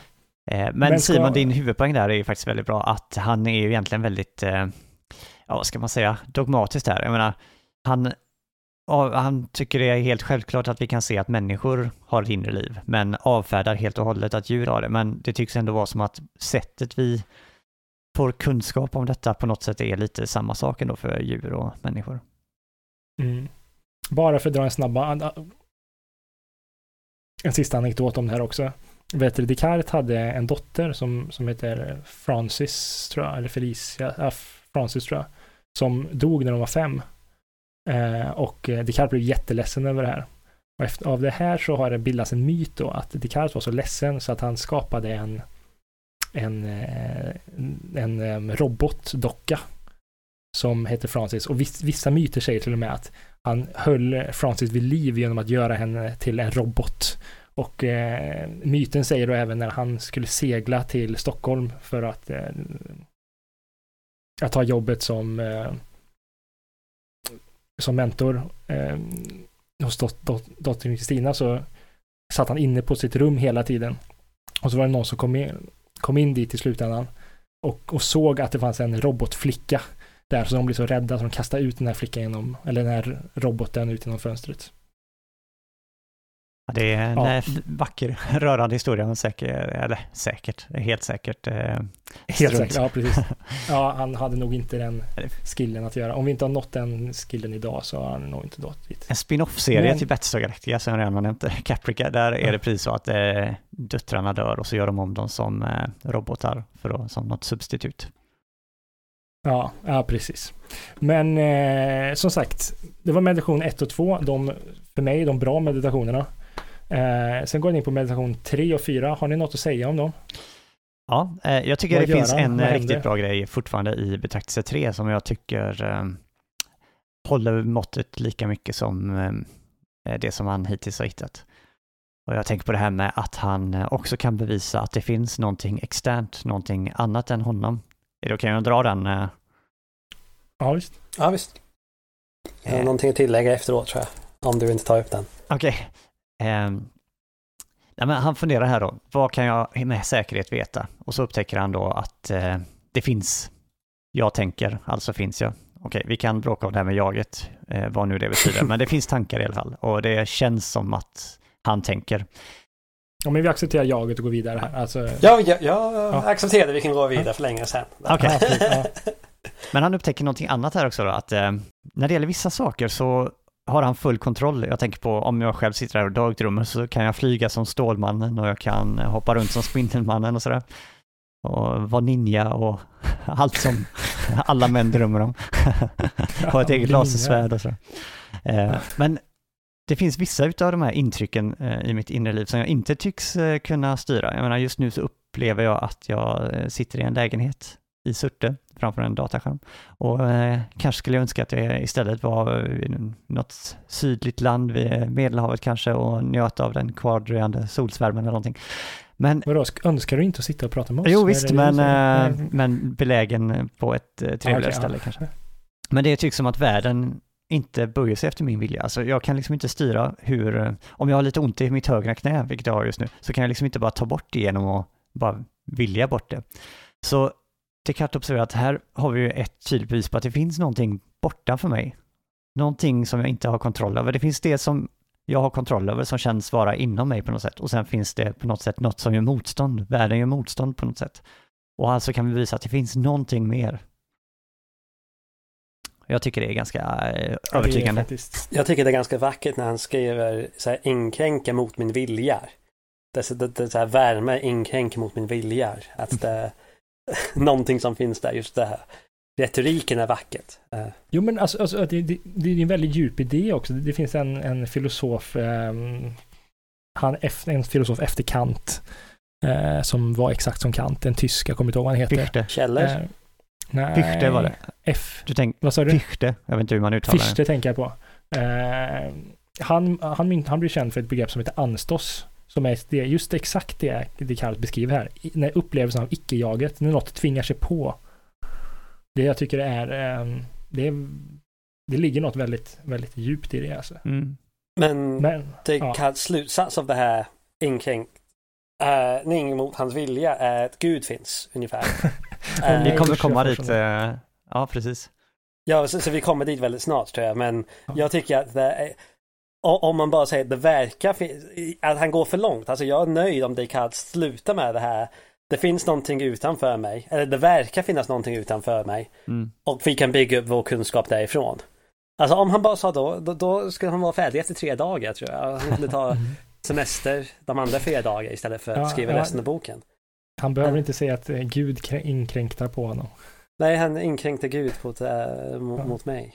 Jag tror ja, precis. Problemet tror jag är att han vill eh, snickra upp ett mycket större hus. Jag, jag tror du har rätt, om han hade nöjt sig med att bygga ett så här litet hus så hade det varit, eh, jag tror att eh, det här huset håller för all kritik. Eh, Okej, mm, förutom jaget där då kanske man kan prata om, men eh, allt annat tror jag håller. Men problemet är att jag tror att han vill eh, på något sätt bygga upp huset mer eller mindre som det egentligen var från början. Alltså där vi tror att det finns planeter och ja, hela, hela mänskliga paketet, fast vi ska liksom veta det på riktigt. Och jag tror det är därför han tror sig att han behöver Gud för att på något sätt garantera att även de här vardagliga upplevelserna är helt sanna och sådär. Men vi kan garantera det här verkandet i alla fall, eller hur? Mm. För vi kan, så, så jag förstår inte varför matematik verkar stämmer. Ja, det, det kan vi vara nöjd med. Planeter verkar vara där uppe och göra som Galileo säger. Ja, men det, ja, det, det verkar vara så. Ja, men då är han ju kvar vid, alltså då hade han ingen poäng att börja. Alltså det verkar ju länge- som så, att, så länge han bara har ordet verkar framför allting. Så är det okej. Alltså det är hans stora upptäckt, ordet verkar tycker jag i den här boken. Att han upptäcker skenet, ja var väldigt- subjektiva och han upptäcker skenet så skulle man kunna uttrycka det kanske. ja, det var faktiskt väldigt... Eh, Men jag tror att han är väldigt missnöjd med detta och om man ska gå handlingarna i förväg i filosofihistorien så eh, har väl den allmänna idén varit att Descartes är väldigt duktig när han river ner och mindre duktig när han försöker bygga upp och det är väl också en anledning att man kan kalla Descartes moderna filosofifar att eh, på ett sätt så brottas vi fortfarande med det här problemet att han har rivit ner och det är förbaskat svårt att bygga upp ett hus som inte går att kritisera. Om man vill gå bortanför det här verkan så får man välja problem. Just det, vi kommer ju antagligen kanske prata om eh, en annan filosof som heter George Barclay nästa avsnitt och då får vi anledning att komma tillbaka till det här William just sa med verkandet och om man ska faktiskt stanna vid det. Det kanske märks att jag stannar där, jag är nöjd där. det är faktiskt bra. Men i alla fall, Descartes, det han gör då är i meditation 3 att han hittar ett bevis för Gud. Eh, och, och, och, som jag sagt hittills så är det väldigt viktigt för honom att nå Gud och det märks för att det är inte bra gjort alltså. Eh, vad är, du hade en bra sammanfattning sist Kristoffer av det här. Mm. Okej, okay, han, har väl eh, mer eller mindre tre stycken olika sätt att bevisa Gud, varav två stycken förekommer i den här meditationen och eh, ett tredje kommer framåt slutet. Eh, det som gör det största, vad ska man säga, eh, jobbet i hans förklaring, det är någonting som, jag har tyvärr bara hittat det på engelska, att de kallar det för the trademark argument, alltså det är hans eh, signum-argument, jag vet inte hur man översätter det på svenska, det är tragiskt att man inte kan sitt eget språk, men eh, the trademark argument i alla fall. Eh, och för mig så är det kanske det som är eh, svårast att förstå. Eh, det känns som att det vilar på en hel del gammalt eh, medeltids och gammalt grekisk filosofi. Men han har någon sorts tanke här då, Descartes, som jag tror han har hämtat från en gammal grek, den här gamla Platon. Men att verkligheten kommer i eh, nivåer av eh, verklighet. Det är inte bara så att det finns verkliga saker och så finns saker som inte finns, utan nej, saker och ting finns, de är olika verkliga, olika fina, olika perfekta. Han använder lite olika ord för att säga samma sak. Han tror i alla fall att det är så och han tror att eh, vi själva kan bara skapa saker som är eh, under oss på den här skalan av verklighet. Så att eh, när jag fantiserar saker, då skapar jag det själv. Alltså när jag fantiserar fram mig stående som ett lasersvärd eh, på, på, en planet. så är på något sätt den bilden mindre verklig. Den är blekare än eh, den här verkligheten jag ser runt omkring mig. Så att eh, vi kan liksom skapa saker under oss bara. När han tittar in i sig själv och undersöker alla idéer han har, alltså hans ord idé, det betyder, det är ganska speciell betydelse, alltså en bild av ett objekt eller en tanke eller så här, det kallar han en idé. Så att eh, när jag tittar framför mig och ser en synt så är det en, en, en idé av eh, den här synten. Så en bild kan man säga, eller sådär. Han tittar på alla sina tankar och idéer som han har och så upptäcker han att eh, han hittar en som han eh, inte förstår var han har kommit ifrån. Han har en idé om Gud. Alltså han, han har helt enkelt en, en tanke om att det kanske finns en Gud. Och det räcker väl egentligen redan att om man ställer sig frågan så här, finns det en Gud? Så figurerar den här idén i huvudet. Så bör, man behöver inte ens tänka att Gud finns, utan bara att man tror sig veta begreppet Gud så figurerar den här tanken. Och då frågar han sig, okej, okay, men det här begreppet, är det mindre eller mer verkligt än mig? Alltså har det högre realitet? Och hans tanke är här då att om man bara förstår vad begreppet Gud betyder och vad han menar här är någon sorts, den mer filosofiska bilden av Gud. Man brukar säga att Gud är ett objekt eller en entitet som är perfekt på alla sätt. Den är, vet allting, den kan göra allting, den är god, den har allting som är, alla bra egenskaper i hela världen, den är oändlig och så. Och då inser han att, men jag är ju en ändlig varelse, jag är inte oändlig, jag kan inte göra vad jag vill. Vi sa just detta om det här med externa, det är så det kommer in här, att det finns vissa gränser för vad jag kan göra. Alltså är inte jag oändlig, men ändå har den här tanken om det oändliga. Den här tanken kan inte komma från mig då, eftersom jag kan bara ge upphov till saker som är under mig i den här verklighetsskalan. Lika med eller under mig, ja. Precis. Ja, lika med eller under är det kanske. Ja. Okej, men det här står ju helt klart över mig i den här hierarkin. Alltså kan det inte komma från mig och då måste det komma utifrån någonstans. Och då tänker han att ja, men så fort vi inser det då så inser vi att det utanför mig finns någonting högre och att detta är Gud. Ja. Bra sammanfattning. Vad tycker vi om det här? För mig är det ganska svårt att ta till sig. Eh, Jag förstår, om, det, om man ska ta det här som argument, varför behövs det som första andemeditation? Är det en jävligt bra poäng? Ja, var, ja. Det är lite så snopet faktiskt, för det är min känsla också när man går vidare i boken här nu, så kommer han ju tillbaka mer och mer, bygger upp bara precis det som vi trodde oss veta innan egentligen. Ja, han, han skulle lika gärna kunna sagt så här. Um, ja, uh, jag bevisar nu att Gud finns, 1, 2, 3. Och på grund av Gud finns så vet jag att jag har, har en själ. Så nu har jag en själ. Han kunde gått den vägen, men istället gör han den här vägen. Han, han kör sin metod och han kör det metodologiskt till vissa delar. Och eh, han hittar sig själv först, han hittar att han är tänkande och sen så kommer han hit. Eh, jag vet inte, han kanske... Som sagt, eh, jag håller med att det här beviset funkar lika bra utan att du har gått den långa vägen. Ja, det är faktiskt en bra poäng. För Ja, han, för- vad han gör sen är att han säger att ja, men Gud är ju god. Så visst, det skulle kunna vara så att jag drömmer hela tiden att jag sitter i Matrix, men eftersom Gud är god så skulle han inte skapa en värld där jag hela tiden blir lurad. Alltså är allting mer eller mindre som jag alltid har trott det är. Och så precis som du säger, då skulle man lika gärna kunna säga så här, Gud finns, det har bevisat så här och så här, han är god, alltså stämmer det mesta som jag tror mig veta. Ja, precis. Ja. Nej, ja, förlåt William, vad skulle du säga? Nej, det, det, det var ingen viktigt faktiskt. Jag körde ju. Nej, men vad jag skulle säga att det här är ju, vi ska inte diskutera det här alldeles för djupt, vi kommer, eftersom det här inte är den bästa varianten av de här gudsbevisen så kommer vi antagligen någon gång i framtiden ha en, eh, ett avsnitt där vi bara går igenom bra gudsbevis, eller bättre varianter av och kritik av det. Bra Men, eh, gudsbevis. Ja, du? Nej men alltså fakt faktum är, jag gillar gudsbevis. Jag tycker att det finns flera väldigt starka gudsbevis. Eh, och, eh, och jag tycker det är väldigt filosofiskt givande att, att filosofera kring gudsbevis. Men det han gör här som är så, så problematiskt är att han, han slänger in en bild. Ja men vi har, vi, klart och tydligt har vi en bild av det oändliga och vi är, är ju ändliga så därför så finns Gud. Men det är inte, alltså när man kollar så verkar det uppenbart att han inte har samma bild av vad en oändlighet är som jag har. Eh, och då är, har jag uppenbart inte en klar och tydlig idé och då kan jag inte använda det som premiss. Därför att du är en katt. Du är en au- ja, pre- ja, precis. Ja, automan, menar jag. Det. ja. Men det, när jag sa någonting om gudsbevis nu för att försöka försvara mig själv här. Eh, jag skrattar åt ordet bevis med en gudsbevis. Att det finns bra bevis. Jag Okej. tänker så om det är en bevis, då ska det vara en bevis. Liksom. Det behöver inte vara bra eller dålig. Eh, ungefär hur jag Ja. tänkte det. Det var därför Ah, jag skrattade ja. åt gudsbevis. Ja. Så att ingen, Okej. när deras person skickar ett mail, argt mail till mig. Ja, ja, nej, men det, Jag tänker på, vi nämnde vi- eh, snabbt här, klart och tydligt, för det är någonting han har faktiskt eh, sagt precis här innan. Alltså, han kom ju fram till det här att eh, jag tänker alltså finns jag. Och han inser att, ja men, det ser jag ju klart och tydligt, det går inte att tvivla på. Och då, alltså, här är det lite svårt att följa honom, men så här tolkar jag honom, ni får jättegärna eh, komma med andra tolkningar såklart, men att han har en gång nu då i undersökningen hittat det här klart och tydligt, nämligen jag tänker alltså finns jag. Och då säger han på något sätt, han tar det som en princip att, ja men när jag tänkte det och jag kände det så tydligt och det visar sig stämma att jag finns eh, en, så när helst jag tänker.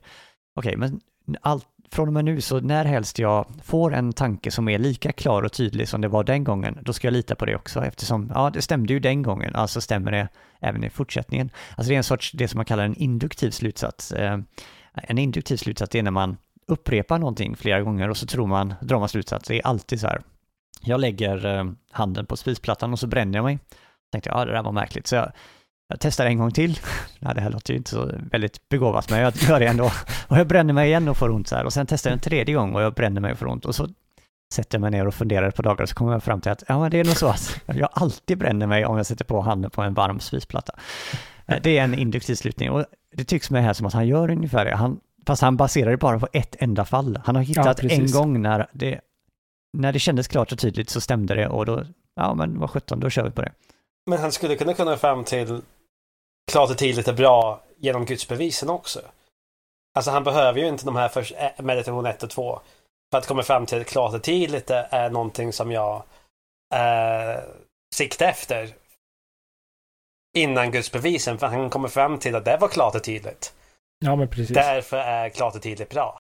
Mm. Ja, men klart och tydligt är en premiss som följer med en hela tiden. Han har med det från början tror jag. Jag vet inte, nu svängde jag pyttelite i eh, den här diskussionen vi hade precis. Nu tänker jag att kanske betraktelse 1 och 2 är nödvändig då för att hitta den här klart och tydligt. Och när han väl har hittat den en gång, då tycker han att ja, men när det här klart och tydligt dyker upp även i gudsbevisen, då kan jag lita på det.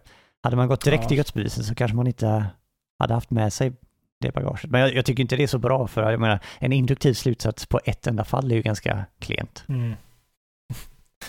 Men Det var i alla fall ett svar till varför 1 och 2 behövs. Men Ja, okej, alltså om det är så så ger det... Jag köper det lite mer då. Men som sagt, du, du sa att du hittade två andra Ja, just det. gudsbevis. Och det andra som jag hittar tycker jag är lite bättre, det är som man brukar kalla det kosmologiska gudsbeviset. Eh, Det är helt enkelt att man noterar att eh, saker omkring i världen, de orsakar varandra. Jag skjuter en fotboll på en annan fotboll och då åker den andra fotbollen iväg eller jag lägger handen på spisplattan och jag får ont. Alltså man kan hitta en orsak bakom allting. Varför hände detta? Jo, det hände därför att det här och det här hände. Ja, men varför hände det? Jo, det hände därför att, att man kan gå bakåt i tiden hela tiden. Varför eh, bröt andra världskriget ut? Jo, därför att, där. man kan få ställa den här frågan. Och till slut kommer man ju längre och längre tillbaka och man pratar kanske om universum och man hamnar i Big Bang till slut. Ja, men universum finns för att Big Bang hände. Men den, den här jobbiga femåringen som står jämte en ställer ju frågan, ja men varför hände Big Bang? Och till slut blir det förbaskat svårt att svara på de här, men varför frågorna. Och det här kosmologiska gudspriset är då att, ja men någonstans bak så måste det ha funnits en orsak som orsakar den här första som drog igång hela maskineriet, men som själv inte var orsakad. Och då är tanken att när man väl har insett det så inser man att ja, men det enda det skulle kunna vara, det är Gud och alltså måste Gud finnas. Så tolkar jag det. Vad säger ni? Ja, jag tycker inte det argumentet är speciellt bra. Eh, Men det är väl det som filosof, eller som filosof, eh, de flesta filosoferna skulle väl säga att det är det bästa av argumenten. Men, jag skulle säga för det första så visar inte det att det, det är nödvändigt att peka på att Gud finns. Nej, det är det svaga. Första orsaken behöver inte vara Gud. Och för andra så finns det ingen, in, det finns ingen nödvändighet i att det finns eh, eh, att det finns en början. Jag tycker att det är eh, man kan tänka sig oändliga kretslopp och liknande. Jag, jag känner inte att det är... eh, Just den andra delen av det du sa, där, jag, alltså jag drabbas av det problemet, alltså den negativa delen av det problemet. Jag känner att oj, här är ett problem och jag blir, ja, jag får så här filosofiska bryderier. Men den positiva delen, att det här på något sätt ska bevisa någonting, ja, ja, den slår mig inte lika starkt. Och speciellt inte hur man kommer från det till någonting som påminner om den kristna, judiska, muslimska guden. Det har jag väldigt svårt att se. Ja. Alltså just de här egenskaperna som kommer, alltså godhet till exempel. Det är väl den riktigt mystiska.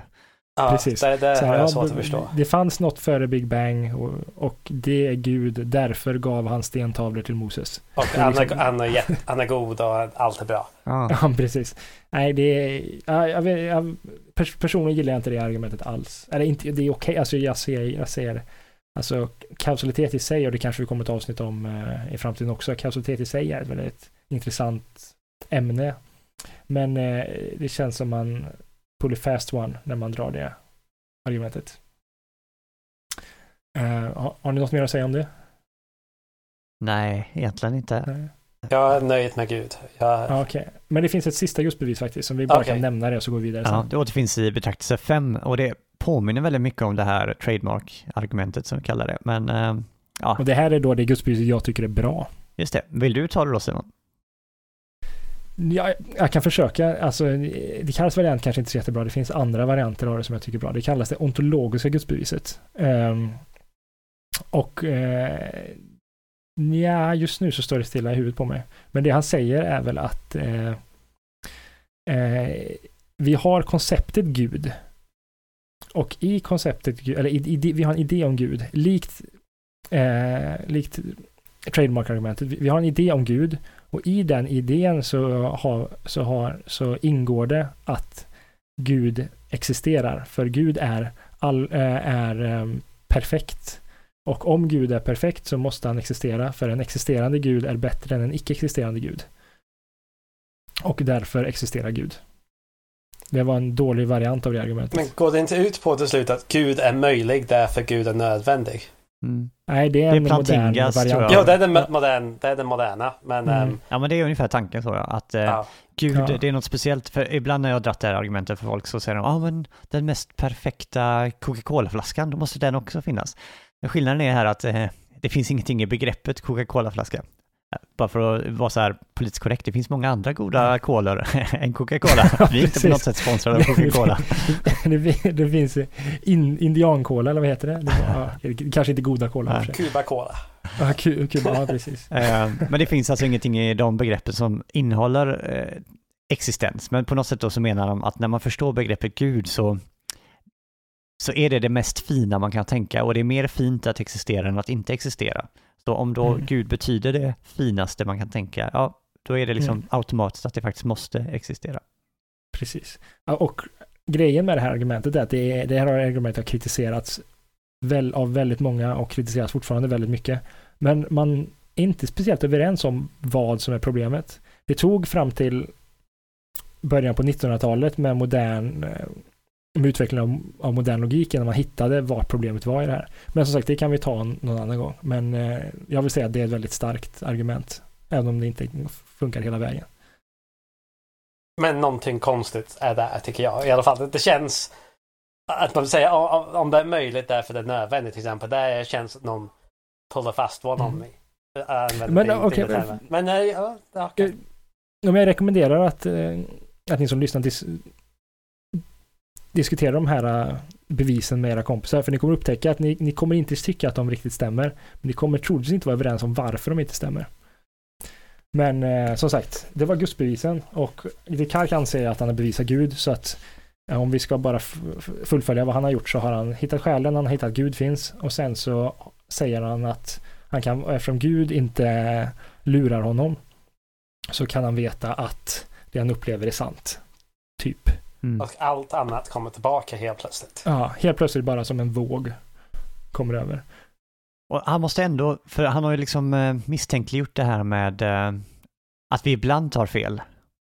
Alltså han måste här på något sätt försvara att vi faktiskt trots allt tar fel. Trots att Gud har skapat allting och Gud är god, så måste han ändå liksom eh, legitimera att det han upptäckte i eh, kapitel 1 och 2, att han ibland tar fel, eh, faktiskt Ja, är precis. verkligt. Så här försöker han skylla lite mer på oss människor, att vi är inte oändliga, vi är ändliga ja, varelser och därför Och det är så är att vi inte fri perfekta. vilja va? Precis, så att eh, vår fria vilja, det är liksom ett nödvändigt ont kan man säga. Det är någonting väldigt gott som Gud har gett oss, men det gör att vi ibland eh, leds fel utav vår fria vilja. Men när jag läser det där, det kändes som så här vanlig religiös, Ja, precis. eh, typ det vanliga religiös kanon som, som, som kom upp där. Inte riktigt så här filosofiskt argument. Men vad tycker ni? Nej, jag håller helt med dig. Det där är ju... Ja, det är, det är ju meditation, ja, meditation 3 och 4 som man har här. Det är ju eh, ta, det, det är taget från vilket eh, kloster som helst från medeltiden, skulle jag säga. Okej. Jag tänkte just det här om viljan också, om det, om det ingick i varför vi har fel, varför vi kan ha fel. Eh, på grund Jo, av vår alltså, vilja. För, för jag tycker inte vi har fel på grund av vår vilja, men att eh, vi har ju fel för att vi eh, är uppbyggt för att kunna ha fel. Inte för att vi har möjligheten att välja att ha fel. Jo, men det är ett klassiskt sätt att se på um, eh, Ondskapsproblem. Ja, TDC-problemet. Eh, om Gud är god, varför finns ondska? Jo, för, för Gud gav oss fri vilja och vi är dumma att mörda varandra. Jo, så, så då är egentligen den onda demonen är Descartes själv. ja, precis. Vadå? Jag hängde inte med. Eh, För, för det enda som kan få oss att, fe, eh, för, för att ha fel är vår egen vilja. Och det, det som um, Descartes försöker komma fram till att det är en ond demon som lurar honom. Men det enda som kan lura honom egentligen är sin, är, är sin egen vilja.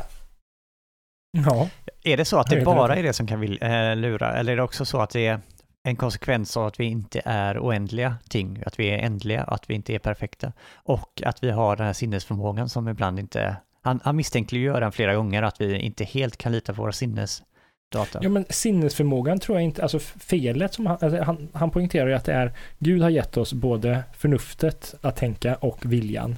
Men att viljan är större än förnuft, förnuftet. Om man ser det som två ehm, mängder så kan man säga att eh, Mängden vilja. Ja, nej men precis. Vi har fem deciliter eh, förstånd i, i oss och vi har sex deciliter vilja. Eh, och problemet är att de inte matchar. Eh, och eh, det han gör då är ju att visa att eh, viljan inte... Men var fan var vi nu? Att viljan är större och att vi därför eh, Ja, men fel. precis. Att, att det är där vi gör felen. Och att alltså perception, han har ju visat att, han har ju kommit fram till att Gud inte lurar oss. Vilket innebär att vi kan lita på att när vi ser en dator så är det en dator jag ser. Däremot är det min vilja att vilja se en massa häftiga grejer som en, en um, dyr dator som gör att jag får illusion av att det är en dyr dator framför mig. Mm. Inte mina perceptioner. Jag ser nog, eh, jag tycker mig se att han eh, misstänkliggör sinnena även lite mer utanför viljan också. Jag tänker på den här distinktionen mellan primära och sekundära egenskaper och sådär som man gör. eh, Att det här med färg till exempel och sådär inte... Först definiera de här begreppen först, för det har vi inte gjort Nej. än. Alltså det är en gammal eh, distinktion som jag tror faktiskt, för att knyta an tillbaka till inledningen, Galileo tror jag var den första, men jag är inte helt säker. Var det Men- inte Locke som kommer fram till det? Det har inte ens Nej. definierat dem. Ja, han är väldigt känd för det, Locke just, men eh, Men de finns här i Descartes. Ja, och eh, även, eh, ja som sagt var, Galileo tror jag var först. Alltså när man eh, tittar på saker runt omkring oss så tycks de ha en massa egenskaper. Jag tittar på en annan synt här och den är gul till exempel och den är en viss form, den låter på ett visst sätt så de knackar på den. Och så frågar sig, jag tror det är Galileo då, alltså hur många av de här egenskaperna finns faktiskt där ute i grejen och vilka saker är bara här inne hos mig, alltså det skapar saker hos mig. Och en sån klassisk sak är ju färg till exempel. Så säger han att när vi väl tänker efter så inser vi att grejen där ute, atomerna och sådär, Eh, de är ju inte färger, utan färg är någonting som händer inne i våran hjärna när ljuset från den här grejen studsar och behandlas i hjärnan så, här, så uppstår färg. Att världen i sig själv inte har någon färg alls. Och jag tycker mig se här att Descartes eh, köper den eh, eh distinktionen och är lite så här skeptisk till de här sekundära egenskaperna, det vill säga färg, vilka är det nu? Färg och känslan av värme, ljud, alltså de här mer subjektiva upplevelserna, att de inte går att lita på riktigt. Medan de här primära egenskaperna, ett objekts form och sådär, att de är, de är någonting mer verkligt. Men jag, jag, jag är lite osäker på detta. Ja. Men det här är något vi kommer att diskutera mycket djupare in nästa gång när vi kommer att diskutera Berkeley. Definitivt. Ja, absolut. Vi kanske kan lämna det. För jag tycker det, speciellt här mot slutet av boken, så finns det en hel del, han börjar diskutera sådana här saker och så lämnar han det ganska snart. Eller, jag har svårt att liksom helt och hållet eh, snabbt se vad han själv tycker och sådär. Eh, kanske är bättre att helt och hållet lämna allt det här med sinnesförnimmelse, illusioner, hallucinationer till Ja, eh, nästa avsnitt. det. Och så gå in på Ja. djupet istället. Men ska vi Ja, gå fram till äh, meditation 5 då? Äh, Ja, Och lite precis. matematik kanske. Ja, vad har vi där? Har du något att säga om meditation 4, eller om fyra, eh, om, om meditation 5 och 6? Äh, det är det här om triangeln som du kanske vill ta upp Simon själv, för jag vet du tycker det, det var spännande.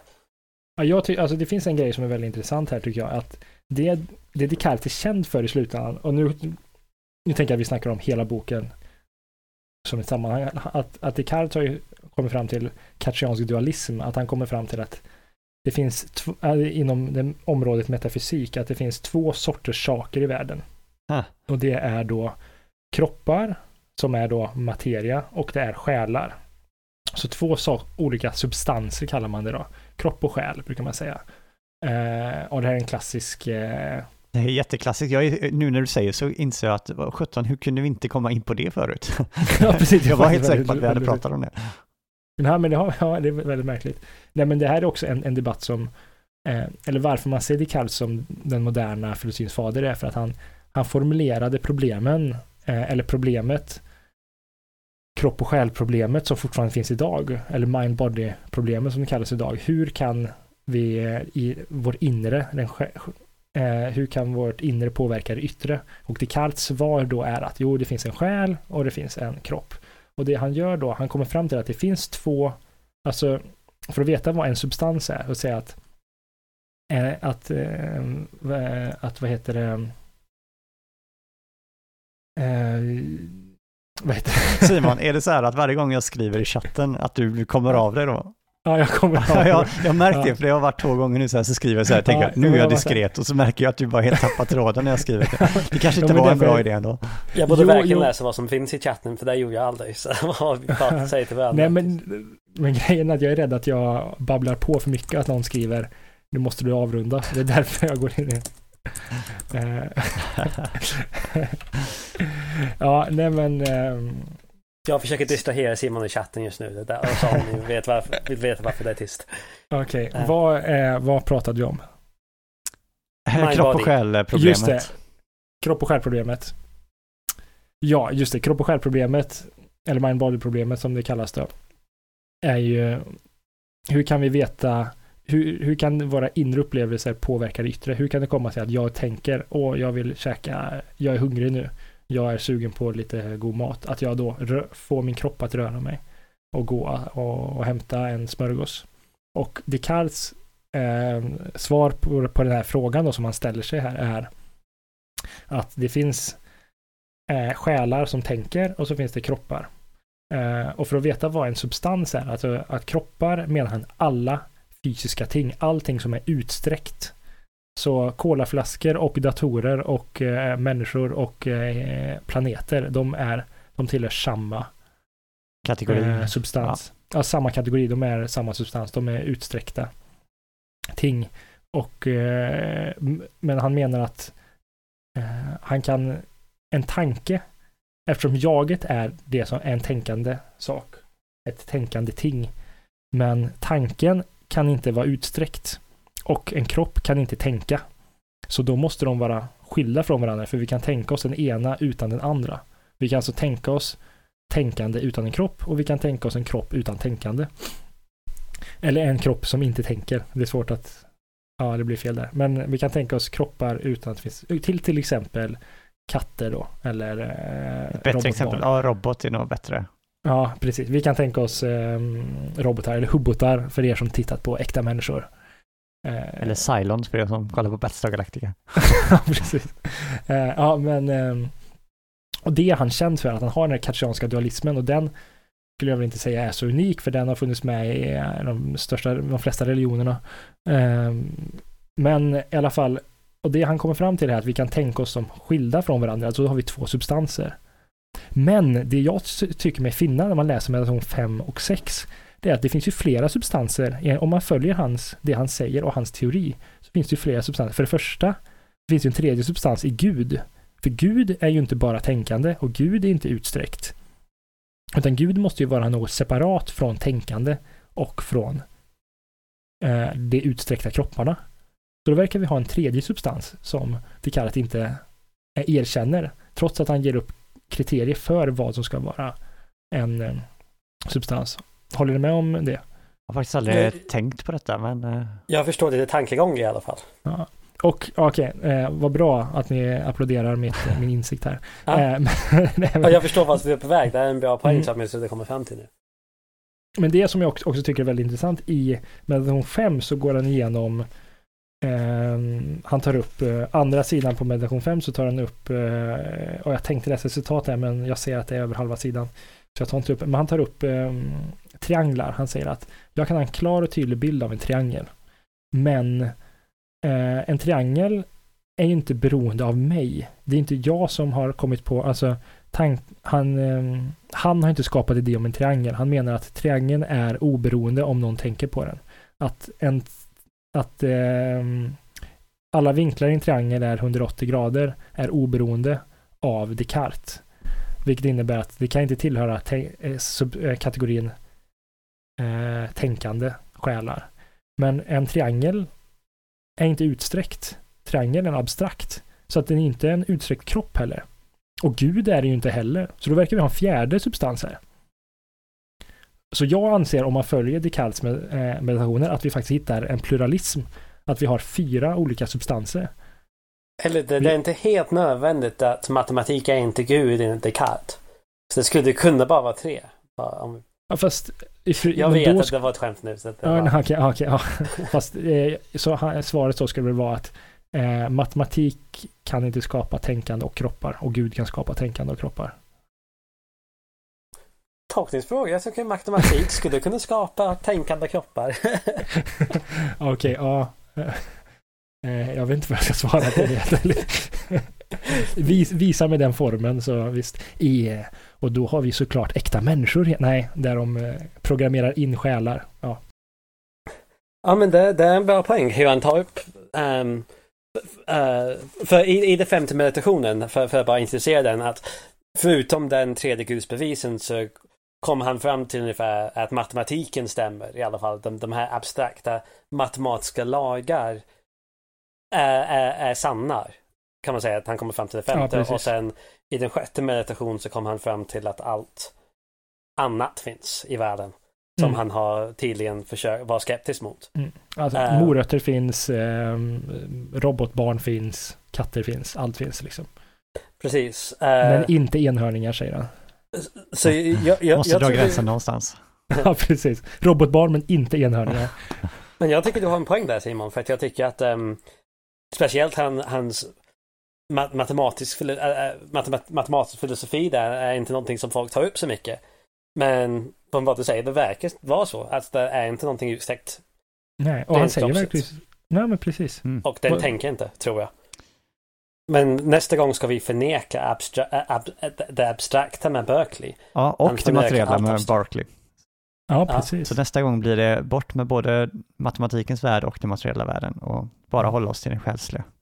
Mm. Bara idéer, det är vackert. Ska vi säga vad Men... det är som är problem med detta då? Alltså det klassiska problemet med den här eh, dualismen eller pluralismen. Ja, ja det tycker jag. Alltså det stora, ska jag, okej om jag kör? Ja, kör. Det stora problemet är att om vi verkligen tar det här på allvar, att det är helt olika saker. Å ena sidan har vi det själsliga, som inte har någon utsträckning i rummet alls. Det är oändligt litet, det är till och med fel att säga oändligt litet, för det låter som att det har utsträckning fast den är väldigt liten. Här är det ännu mer radikalt, det har ingen plats i rummet överhuvudtaget. Och sen har vi det här kroppsliga då, som inte har något själsligt och inget, den har ingen inre ande, eller vad man nu ska säga det, utan det har bara utsträckning i rummet. De här två ska då interagera som Simon sa. Å ena sidan så kan jag från själen bestämma mig att min kropp ska gå ut till eh, kylskåpet och hämta en Cuba-Cola. Eh, å andra sidan så när jag slår i, eh, när jag lägger eh, handen på spisplattan så får jag ont och då går det... Du ska hämta din Cuba-Cola. ja, precis. Av misstag så lägger jag handen på spis, spisen. Eh, och då går ju signaler från min fysiska kropp och tydligen på något sätt upp till min själ. Och det här är då väldigt märkligt. Hur kan någonting som är utsträckt, nämligen min kropp, påverka någonting som är av en helt annan karaktär? Jag tror man brukar kalla det för interaktionsproblemet och så här. Och jag, ofta brukar nog folk tycka att det här är ett hopplöst svårt eh, problem. Och vilket gör att idag är det väldigt ovanligt med eh, den här sortens dualism. Substansdualism. Exakt. Ja, precis. Nej men det är ju, alltså problemet här får också säga att eh, Alltså det, det är ju ett intressant, eh, alltså det är ju ett stort problem, hur interagerar de? Men å andra sidan om man tar bort att inte, om det bara finns en grej, till exempel, vi säger att det bara finns kroppar. Då har vi väldigt svårt att förklara hur det finns, eh, finns eh, tankar. Alltså han, han, har ju, han har ju fortfarande pekat ut någonting som är väldigt, alltså jag köper jag vet inte om jag köper, men jag tycker det ligger väldigt mycket i det han säger, att vi kan tänka oss tankar utan kroppar. Och vi kan tänka oss kroppar utan tankar. Ja, om men... man köper det argumentet att eh, om saker och ting har olika, som det heter, modala egenskaper, alltså vad som är nödvändigt och vad som bara är tillfälligt kontingent, att det implicerar olika saker, ja, kanske då att man måste löpa hela linan. Men och... jag kan tänka på ett bord som svävar i luften. Det betyder inte att det, det att det är på något sätt möjligt. uh, så, så, även om vi kan tänka oss kroppar utan själ och själ utan kroppar, det betyder inte det är möjligt att man kan ha en kropp utan en själ och en själ utan en kropp. Men här är frågan kanske vad man menar med möjligt. Alltså ibland, det är alltid de här krångliga orden, men ibland skiljer man mellan logisk nödvändighet och eh, nomologisk. Alltså å ena sidan är vad som går att tänka, det är logiskt möjligt. Alltså går, är det helt otänkbart eller går det att tänka? Till exempel, det är tänkbart att jag kan eh, nu åka iväg som Stålmannen, och, men det är inte fysiskt möjligt, alltså det är inte nomologiskt möjligt. Det strider mot naturlagarna, men det strider inte mot logiken. Jo, och um, det där som är kanske det här problemet, att vi pratar om logiska lagar när man pratar om uh, ja, det är möjligt att vi kan tänka oss en själ utan en kropp, en kropp utan en själ. Men det går, det följer kanske inte med naturlagarna, att det är möjligt att ha en kropp utan en själ. Ja. Ja, då om det är så så om jag ska ha mina vetenskapliga glasögon på mig. Jag förstår inte vad problemet är. om jag tar på min filosofiska glasögon så kan jag förstå att det är ett problem. Men... Um... Ja, men och, och okej, okay, om, om vi... Förra gången så fick vi... William, du fick in det här väldigt snyggt i hur den moderna debatten är upplagd. I, I Descartes så är problemet att, eller som han förlägger, vi kan tänka oss tankar utan kroppar, men inte kroppar utan, och kroppar utan tankar. Men i, i den moderna debatten så pratar vi inte längre om tankar, utan vi pratar snarare om, eh, vi kan ha upplev, vi kan tänka oss upplevelser utan kroppar. Eller hur var det? Ja, precis. Så, det, sen nu för tiden pratar man om det fenomenella, alltså upplevelsen av till exempel rött eller smärta. Um, så, så, så det där tillhör vår eh, fenomenella medvetande. Eh, så istället för själ så pratar vi om medvetande nu för tiden. Och ehm, på det, så, så där kan, det är en sak. Det är det här subjektiva som vi har väldigt svårt för. Men det här kroppsliga, vi förstår mer och mer det som sker i hjärnan. Så um, det här kroppsliga har så här gått längre och längre och längre in i våra kroppar. Så, så med Descartes är det ganska klart och tydligt att det som är ut, utom, utanför oss och våra kroppar, det är den kroppsliga biten.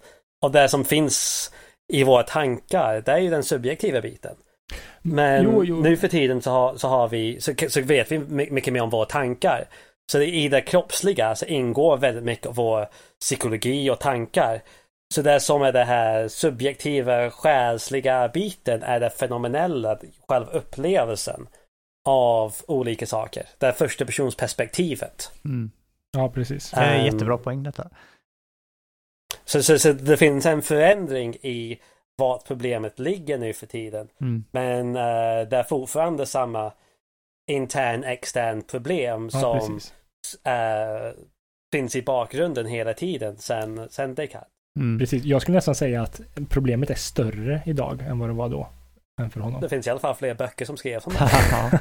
jo, men jag menar om vi utgår bara från Descartes eh, frågor så är ju de i princip besvarningsbara. Nu har ju inte vi kunnat koda av hur allt tänkande är möjligt i, inom nev neurologin. Eh, men eh, jag menar till exempel så brukar man dela upp eh, de här frågorna i vad man kallar the easy and the hard problem. Eh, och det... Alltså, the easy problem, vad sa du? Nej, förlåt. Yeah. Nej, nej, nej. Det, det lätta problemet då är inte ett lätt problem utan det handlar om att kunna förklara saker och ting som tänkande och äh, agerande och liknande. Är inte det lätta Medan... problemet är problemet med andras själsliv som vi var inne på förut? Nej, det är egentligen intentionalitet som vi pratade ja. om förut. Aha. Det är den som vi kan förklara. Ja, alltså, att David Chalmers pratade om andras själsliv när han pratade om det lätta problemet. Nej, no, det lätta problemet är mer vår psykologi kan man, kan man säga.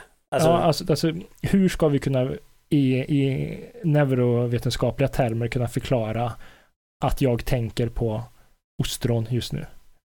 Hur ska vi kunna förklara att eh, alltså det är det lätta problemet. Det är ett problem vi absolut inte är i närheten av att klara av. Men idag, men i princip så har vi kommit så långt att vi, kan, vi, vi skulle kunna förstå hur ett svar skulle se ut i hur vi skulle förklara hur, vad det innebär för mig att tänka på ostron. Eh, och det är det som Descartes har för frågan. Det svåra problemet, det som... För jag, får jag bara komma innan det pratar om. Det finns en artikel som släpptes i september när vi spelade in det här, så det var igår faktiskt. Där de pratar faktiskt om uh, föreställningsförmågan och hur vi gör det och uh, skannat med hjärnaktiviteten och hade visat vad uh, i hjärnan uh, olika föreställningsförmågor var. Det var väldigt coolt att läsa. Så vi kommer ganska långt, en långt bit i... Jo, jo, men det säger, alltså, alltså, alltså det som är intressant med det här easy det... problem. Nej, men jag menar vi svarar ja. på det easy problem hela tiden. Ah, okej, okay, det var, okay, det var så. Ja, det, det, och det, det håller jag med om. Och det, alltså vi kollar på vilka delar i hjärnan processerar vilken information och eh, hur eh, kommunicerar olika delar i hjärnan med varandra. Och när vi utför olika kog kognitiva eller tänkande uppgifter så händer det här i hjärnan och på olika sätt. Men det, the hard problem då är å andra sidan, om, om the easy problem är hur, kom, hur, vad, hur kan jag tänka på ostron? Varför tog jag ostron som exempel? Jag byter. Eh, hur kan jag tänka på honung? Eller upplevelsen av rött eller själva smätt, ja, smärtaupplevelsen. Ja, eller, eller känna smärta. Det kan vi beskriva, vi kan kartlägga hur hjärnan fungerar. Oavsett hur mycket vi kartlägger hur hjärnan fungerar så kommer vi inte kunna besvara frågan hur min upplevelse av att tänka på honung eller se rött eller känna smärta är. Insidan helt enkelt, att det känns på ett visst sätt. Jag tycker jag det här är fram, helt fantastiskt. Det här, och jag lägger fram ett ord eh, mm. för att svara på Simons för hans mening. Och vi, vi kan inte veta det här än. Vill jag bara lägga till. Det kommer.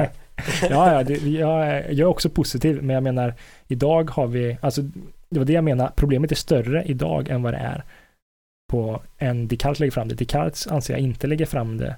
Han diskuterar inte det hard problem, han diskuterar det easy problem.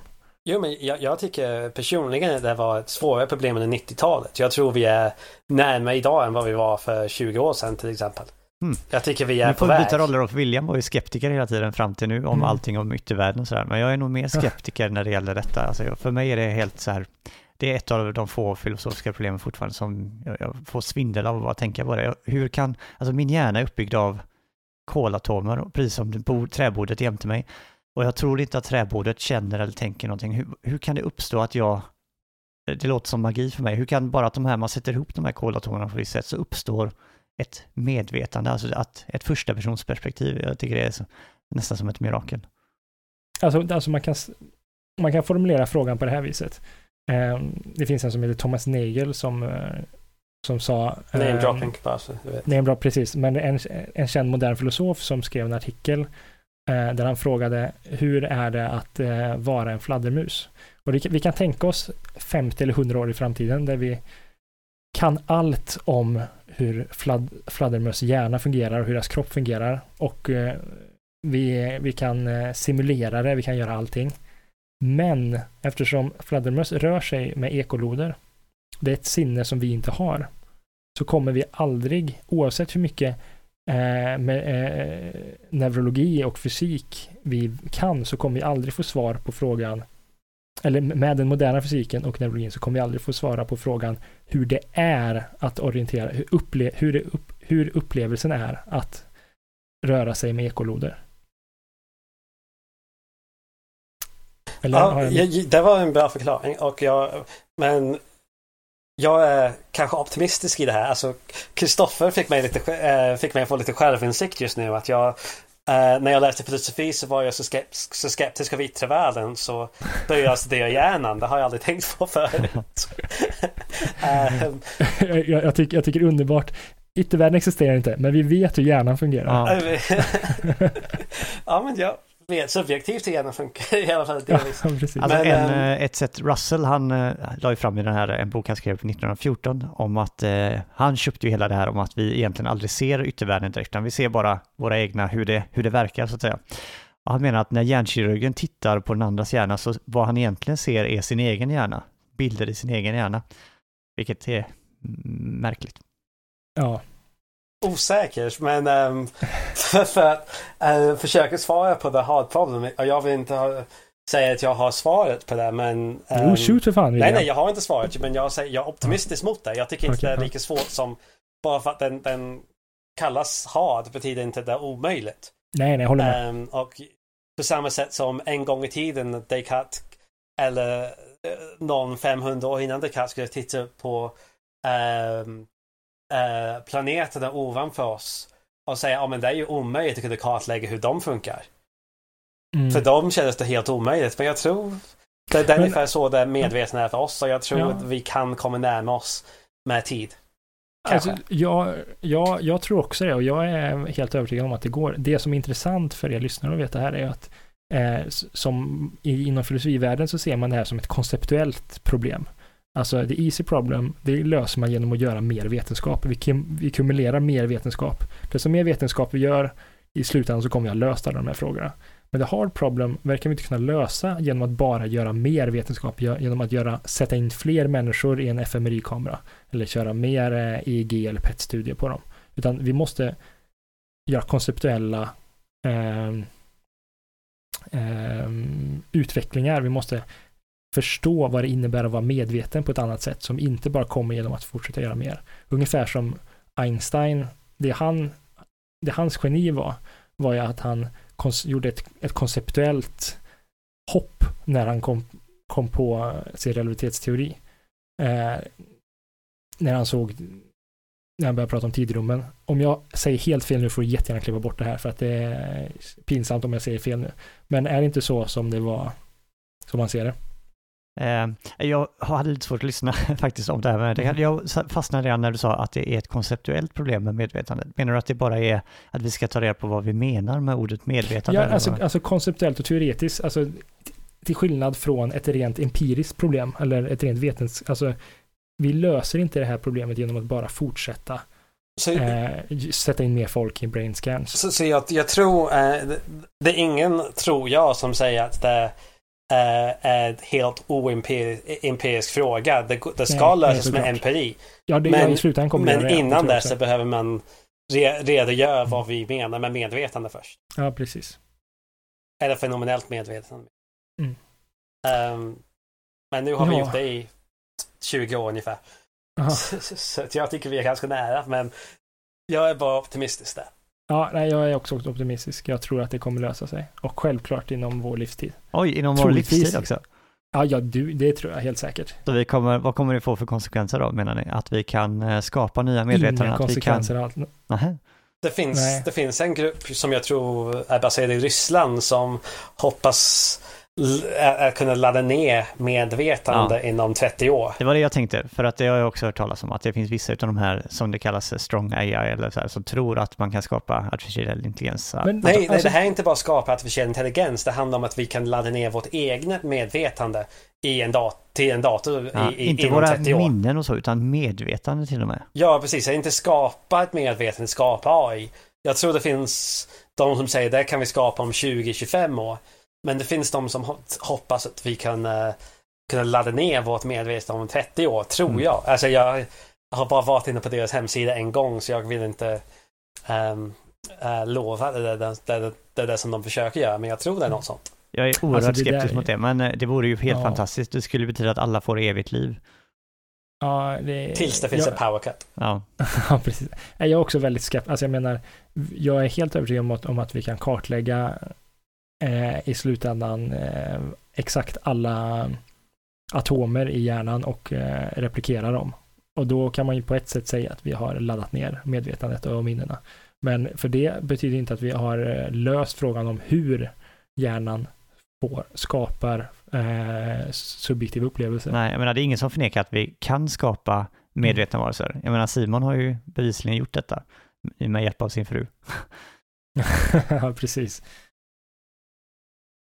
Men, eh, Nej. men frågan är om, eh, alltså, ja, nej men som du säger Simon, att bara för att man kan bygga upp en hjärna betyder inte att man förstår hur den producerar det här första Nej, personsperspektivet.